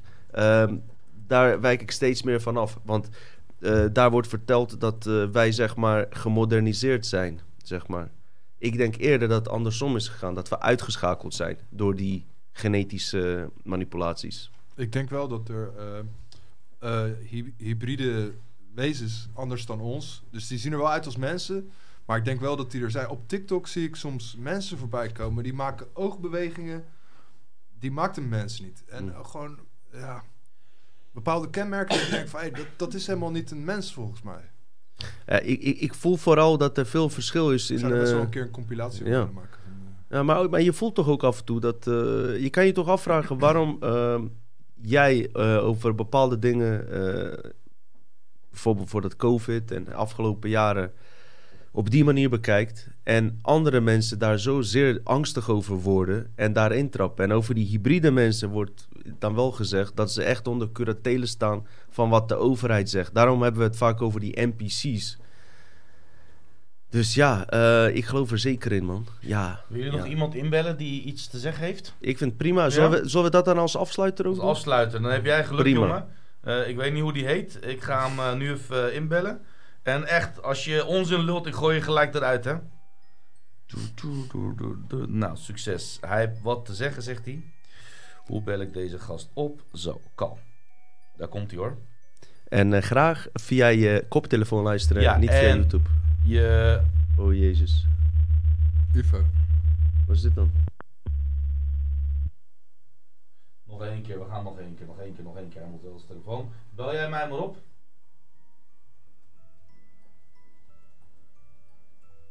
Je had, niet, je had alles nog gewoon aangelaten, toch? Je had precies over aangelaten hoe het was, toch? Kerstmuziekje. Kerstmuziekje. Ik, ik, ik hoor dat wij gewoon uh, van, vanavond verwend gaan worden door Dino. Oh, zeker. Oh, hoezo? Vorig jaar hadden we het toen gemist. Ja. Toen werd die kleine wakker, weet je nog? Om, om één uur s'nachts.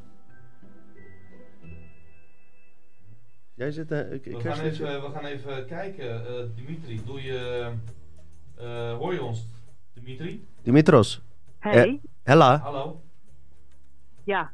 Hallo. jullie. Hoi, Hi. ja. Hey, weer een vrouw. Weer een vrouw. Wauw. Hebben we het meteen goed ja, gemaakt. Ik ben een, uh, ja. Geweldig, geweldig. Oké, okay, Hersan, zeg, zeg maar. Hoi, hoe heet je eigenlijk? Of als je je naam wilt vertellen. Ik dacht, ik, ik kreeg ook een bericht van nee, Dimitri. Ik ga je mijn naam niet uh, noemen. Nou, dan noemen wij jou José. Sorry? Dan noemen wij jou José. Ah, ja, ik heb Rosé. Ik hoor een echo. Dus ik ja, moet ik, eventjes, uh, jij moet je YouTube uitzetten. Gewoon je Oh, uitzetten. Alleen maar naar ons. Alleen je YouTube uitzetten. Gewoon je, je, je, alles uit. Bij jou thuis. Alleen je telefoon aan. En ik heb, ik heb mijn telefoon, dus ik, ik hoor... Sorry? Je bent in een tunnel. Je bent door een tunnel. Ik ben alleen... Ik ben met de naast dus. Je hebt heel slecht bereik thuis. Dat is... Mm. Oké, okay, even...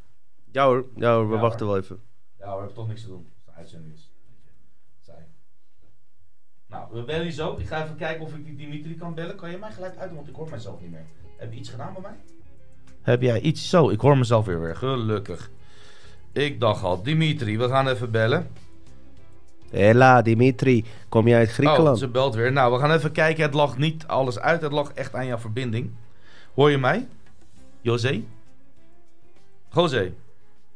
Ja, ik hoor jou wel. En nu hoort de rest jou ook. Dus dat is goed. Nou, ik hoorde het niet. Jawel, je gaat hem nu okay, horen. Nou. Ah, oké, okay. Ja. top. Oké, okay, José. Waar komt die naam vandaan, José? Oh nee, dat was niet je echte naam. nou, uh, zeg het maar op. op. Ersan, ben je er nog? Je bent aan het interview. Nee, nee een grapje je naam is niet zeg maar, wil je wat delen? Wil je wat vragen? José. José. José. Een mailtje gestuurd. Een mailtje gestuurd naar ons. Nou, José, uh, bij jouw telefoon Ja. gaat het echt uh, Ik hoorde het toch? heel, heel, heel slecht. Dus bij jou hang ik even op, maar ik bel even de Sorry, volgende. Ja. Volgende Het keer doen we eh, zo en zo via een Sa- Samsung telefoon. Dus ja, dat heeft helemaal niks te maken met Samsung telefoon Nokia. of 100. met iets anders te maken. Ja. Daar gaat het helemaal De niet laatste om. beller. Komt De goed. laatste beller, Dimitri. Dimitri, stel mij niet teleur, hè?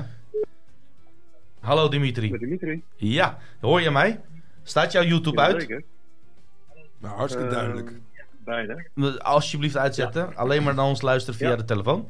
Ja? Oké, Ja, dat is mooi. Ja, bij, eh bij José ging het net even fout. Dus, eh, maar heb jij een vraag of wil je wat eh, melden? Wat je, en nu wilt ze blijven bellen, maar dat zit er niet. Ah, ga weg! Zeg maar, Dimitri. José, Sorry, sorry. Welkom in de uitzending, man. Ja, Dimitri. Door José werd ze opgehangen omdat José terugbelde. Maar dat mag José niet doen, hè? José, niet terugbellen. Wat dan? Dat bepaal jij toch? Dat Ja, maar het is mijn telefoon. Ik had per ongeluk op, in plaats van uitdrukken op aangezet. Ja, nou, nou, nou. Jee, Dimitri, zeg het eens. Sorry, Dimitri. ging het fout. Ja, Ja. nee, het, ja, het ging eh, bij José fout. Zeg maar, Dimitri, hoor. Welkom in de uitzending, Ah, man. Ja, dankjewel.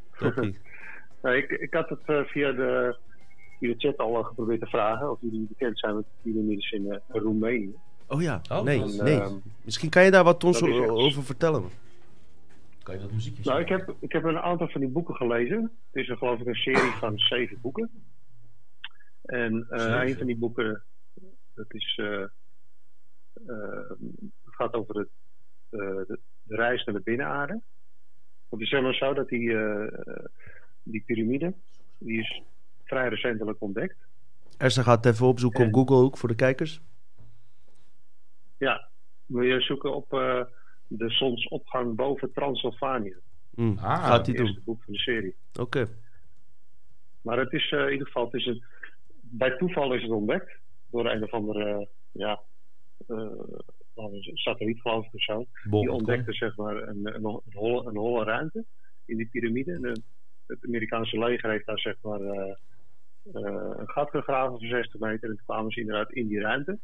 Waar ze allerlei eh ja, hoogtechnologische apparatuur hadden ontdekt. Zoals? En eh, ja, ik weet niet, ik zou er niet echt een naam voor, maar het, het bestond zeg maar gewoon uit stenen, weet je wel, en uit Mhm. kristallen. En als je dan met je hand ergens overheen ging, dan eh kwamen er allerlei hologrammen die werden eraan getoond. Wauw. Met de hele geschiedenis van de, me- met de geschiedenis van de mensheid. En, en dat is goed gedocumenteerd ook? Of, eh? Jazeker. Ja, die, die, wat ik begreep is dat die man die schrijft dat dus echt vanuit zijn eigen ervaring. En eh, het zijn echt extreem interessante dingen. Dus ik, eh, ik hoop echt dat je, dat je die boeken gaat lezen, want het is, heeft zoveel eh toffe stof tot praten. Oké, heb je nog wat kunnen vinden En, voor, foto's voor de... ja, ik heb voor- dat al in, de, in de chat Super. in de, En, en die boeken eventueel, hoe heten ze? Dat de kijkers ook eventueel kunnen kijken om ze... te lezen? Zonsopgang boven Transylvanië. Ah, oké. Hey, en als je nou op. Google naar die piramides, valt er wat te zien qua foto's als we op Google zouden kijken? Daar heb ik zelf niet naar gezocht eigenlijk. Kan je dat intypen? Maar is, Google, is, is eh, dit, eh, is dit eh, hou, ik kan niet alles Oh, joh, sorry. even. man. Maar is, is, is dit een, is dit iemand die gewoon een fictie heeft geschreven en dan eh, dat het, eh, dat je denkt dat het echt is? Of is het echt eh, gebaseerd op waar gebeurde verhalen? En, Ja, volgens mij is het wel waar gebeurd. Want ik heb namelijk een keer op YouTube een, eh, een eh, film gezien van een oh, Nederlandse man. Nee, nee, ja, Die, ja. die, die alleen maar over eh, piramides praat. En die zei dus ook dat ehm, nadat het ontdekt is, dat eh, het hele gebied hermetisch is afgesloten door het Amerikaanse leger. En dat door die ontdekking ehm, is, de, is Roemenië ook heel snel toegetreden tot de EU of zo. Of Zo. Oh, tot de NATO. Ik weet niet precies hoe dat allemaal werkt. Maar zit al te wachten. in ieder geval eh, hebben ze gelijk allerlei militaire basissen gebouwd om die eh, plekken heen en alles. Mhm. Om onderzoek te doen. Maar het meest interessante vond ik eigenlijk eh, het boek De Reis naar de Binnenaarde. Omdat daarin wordt zeg maar uitgelegd dat de, de kern van de aarde bestaat niet uit lava, maar uit een zwart gat. En dat vond ik eigenlijk wel erg wel een soort logische verklaring. Eh, van alles wordt natuurlijk een zwart gat ingetrokken. Maar op een gegeven moment komt er zoveel materie bij elkaar dat het, ja, dan gaat het aan elkaar klonteren, om het zo te zeggen. En dan vormt zich een aardlaag. hè. Dat is dan mijn idee erbij. Maar in ieder geval, eh, ja, super interessante eh, Oké. verhalen. Er zijn zoveel dingen nog die we Ze, moeten ze, ontdekken. gaan ook echt, ze, gaan ook, ze gaan ook echt naar de fysieke binnenaarde. Dus er zijn ook echt steden onder de, onder de grond. eh, waar ze gewoon fysiek naartoe kunnen. Maar er zijn ook plekken. eh daar gaan ze naar de binnenaarde, maar dat is dan meer in het etherische vlak. Mm, Dus dat is een andere dimensie. ja. En, Nou, eh, Dat, dat de verhaal, nog? ja, want dat verhaal van Admiral Burl, zie, zie je hem hier van eh, opera- Operatie High Jump? Ken je dat verhaal? Ja, en het grappige vind ik dat dat verhaal zowel gebruikt wordt door de platte aarde-theoristen als de holle aarde-theoristen. Ja, en dat Piri Reismap, hè? Komt ook vaak naar voren natuurlijk. Ja, Ja, grappige is de, de, ja. de, de platte aarde-theoristen die, die gebruiken hetzelfde verhaal. mhm. Alleen dan vliegen ze, dan vliegt uh, Edward Bird zeg maar, over die ijsmuur heen en dan komt hij, zo gezegd, in andere eh, gebieden hè, buiten de aarde. Maar bij de holle aarde-theorie, dan vliegt hij, bij wijze van spreken, in een zone. Gaat mhm. Ehm, Ja, was iets met het licht toen je er over aarde ja. begon. ja, Ja. komt Zag je dat? Zag je dat op beeld waar dan? je- waar je- Ja, hebben ze gezien, ja. Oké, Ja, ik zag het in het, ik zag iets Ja. ja. Maar dan komt hij zeg maar in een eh, gebied, en dat, is zeg maar de, ja, dat zijn de Polen, waar het fysieke overgaat in het etherische. Mm. Nou, En dat zou die vind ik, het, die vind ik boeiend. Ja, En dat zou dan bij de holle aarde-theoristen verklaren waarom hij op een gegeven moment andere werelden ziet. Mm. Omdat hij die namelijk ziet in een andere, eh, in een andere dimensie. ja, ja. En Ik, dat, ja eh, dat, dat- maar dat is best wel een unieke invalshoek hoor, die je nou net vertelt. Die, die, ja, ja, ja, het, is zo. eh, eh, vind je niet dat, dat er zoveel mysterie zijn op de wereld waar we vroeger nooit van gehoord hebben? En, en nu worden we overbeladen met allerlei theorieën waar heel veel dingen van, misschien van niet kloppen. Maar het feit dat eh, de wereld en het universum zo, zo mysterieus in elkaar zit en dat er zoveel valt te ontdekken, geeft ook een soort van eh, motivatie om verder te leven. Even cynisch gezegd. Ja, dat zeker weten. Nou, Toch? het is zelfs zo, nadat ik die, eh, die boek heb gelezen, eh heb ik eens een keer geprobeerd om eh, contact te zoeken met iemand uit de binnenaarde. En eh, dat is toen heel kortstondig ook gelukt. En dat heb ik twee keer gedaan. En twee keer had ik ongeveer dezelfde, ja, dezelfde ervaring. Zeg maar. Mm. Dus, ja, het Jij kan een persoonlijk? zijn, maar... Ja, wat ik kwam eruit? Wat was het Ja. resultaat daarvan? Was dat een gesprek of een eh, bepaald gevoel eh, wat je had?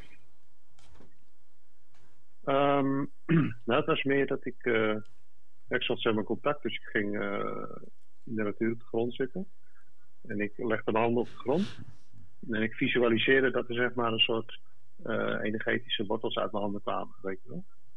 Die dan zeg maar de aarde ingingen. En op een gegeven moment zag ik op een of andere manier dat iemand uit de binnenaarde dat opmerkte. En die deed hetzelfde. En op een gegeven moment kwamen die om het zo maar te noemen, energetische wortels kwamen bij elkaar. En toen werd ik met hem werd ik meegenomen met hem, de winnaar in. En toen nou, zag ik Toen gebeurde zag ik daar iets van. Oké, Toen gebeurde het ja. Oké, oké. Toen kreeg ik een gevoel van hoe hun, hoe- hun dan met elkaar omgaan. En toen zei hij ook van nou, het is goed dat je contact zoekt. Want dan heb ik die, jullie kunnen nog een hoop van ons leren. Ja, eh, d- doe hem de groet als je hem ziet. Ja, dat zal ik zeker doen. We- weet je, we- al, hey, ik ben echt benieuwd of ze ook naar Dutch Matrix kijken. En eh, vraag ze om te liken. En om onze podcast in, in de holle aarde te delen. Nee hoor, grapje. Maar die, die theorieën, dit soort dingen zijn super interessant, weet je. En we zitten nu tegen het einde van de show aan. Ik wil je bedanken voor je bel. En eh, eigenlijk kwam Ersan met dit idee. Onze eerste live, live aflevering was de bedoeling dat we mensen gingen bellen, Ja. toch? Ja, ja, zeker. En eh Ersan heeft dit even laten herleven. Ehm, het voelt goed, man. Het, leuk. voelt, het voelt goed. Ik, eh, be- ik bedank je eh, voor je bel. Wat was je naam? Dimitri. Waar bel je vandaan, Dimitros? Dimitri. Uh, Meidrecht. Meidrecht, Meidrecht. Oké, oké. Groeten aan iedereen in Meidrecht. Groeten aan iedereen. Wil, wil jij nog iemand de groetjes doen? Wie? Dimitros? Ja. Zeg maar, Dimitri. Nog even. Mensen in de bovenaarde. Wie wil je de groeten doen? Uh, poeh. Ik zou het niet, ik, ik Nee, ik begrijp- die dit kijkt. Nee, we- weet je wat Ah, het is? Dat was mijn. Dit is ook zo underground, hè, dat mensen zich eigenlijk eh, schamen. Het schijnt zo te zijn als mensen naar Dutch Matrix kijken, dat ze alle rolluiken naar beneden doen, zodat niemand doorheeft dat ze kijken, snap je? Dus ik, ik begrijp ook wel dat mensen hun echte naam niet willen zeggen, maar ik stel het zeer op prijs. En jullie als kijkers, Dimitros, we gaan je gauw zien, man. We gaan lekker afsluiten Ja. en eh, doe rustig aan vanavond, hè, gozer. Ja, dankjewel. Hey, succes. dankjewel dat je hebt gebeld, man. Doei. Hoi, lieve mensen. Wat, wat vonden jullie ervan? Zeg even eerlijk. Hey, luister, weet je, dit is natuurlijk een andere type aflevering. ehm, met eh, verschillende mixonderwerpen. Eh, ik hoop dat het wat, wat, was. Echt, eh, ik hoop van harte. Wat vond je ervan, Simon? Goed. Ja, toch? Was, Eh, was het ja, toch goed? eh, Ja, ja. Eh, waar zit je dan te zeiken? hier? Wat is het nou? Nee hoor. Eh Ersan, heb je nog iets als een afsluiter? Ja man, volgende keer ga ik gewoon de eh, Dutch Matrix Chat eh, audio conference doen. En dan kan gewoon iedereen gewoon meezeiken over de, over de, over de live feed. Ja. Ja, succes volgende keer. Eh, volgende week komt Chris van der Ende van Hart voor Humor. Ehm, met Ersan erbij, omdat het ook live is. Eh, Simon, hebben jullie nog dit jaar gezien? Volgend jaar gaan we nieuwe afleveringen plannen. We hebben er weer zin in. En wat ik ook in de vorige aflevering heb gezegd... ik doe mijn best om zo vaak mogelijk op te nemen. Soms zal het gebeuren inderdaad dat we een weekje overslaan. Alsjeblieft begrip daarvoor. Weet je, we hebben het allemaal druk. Eh, we, we werken hierna, hiernaast ook erbij natuurlijk. En... eh, we vinden het nog steeds wel echt leuk om te doen. Er is nog zoveel te bespreken. Maar wat ik wel eh, belangrijk vind, is dat het dynamisch blijft. Zodra, ik heb tegen Simon gezegd, zodra ik merk dat we dingen moeten gaan herhalen... of dat het elke keer dezelfde type afleveringen zijn... dan heb ik zoiets van, laten we dan pauze nemen of er helemaal mee stoppen. Want ik ga voor de quality, niet voor de quantity. Wat is jouw eindslogan, Ersan? Waar ga jij voor in je leven? Waar ik voor ga. Voor geluk en gelukkig zijn. Wauw. Simon, waar ga jij voor? Momenteel nergens voor. De, ik, eh, Leuk kerstfeest. Kerst eh, wordt leuk. Ja, maar ik heb wel wat goede dingen. En, eh, ja. Nee, ik heb niet iets waar ik voor ga. Ik, misschien wat ik wel kan zeggen van mensen die recent gescheiden zijn. En die hebben dan kinderen. die zitten de ene eerste kerstdag bij die familie, tweede kerstdag bij die familie. Hou er rekening mee dat het voor die kinderen moeilijk is. Ja. Ik, ja dat, dat vind ik dan eh, wat ik even een keer wil delen. Top, dat is de moderne tijd ook. Super bedankt voor het kijken, lieve mensen. Eh, we zijn er volgende week. En daarna volgend jaar weer natuurlijk. Fijn weekend, groetjes hè.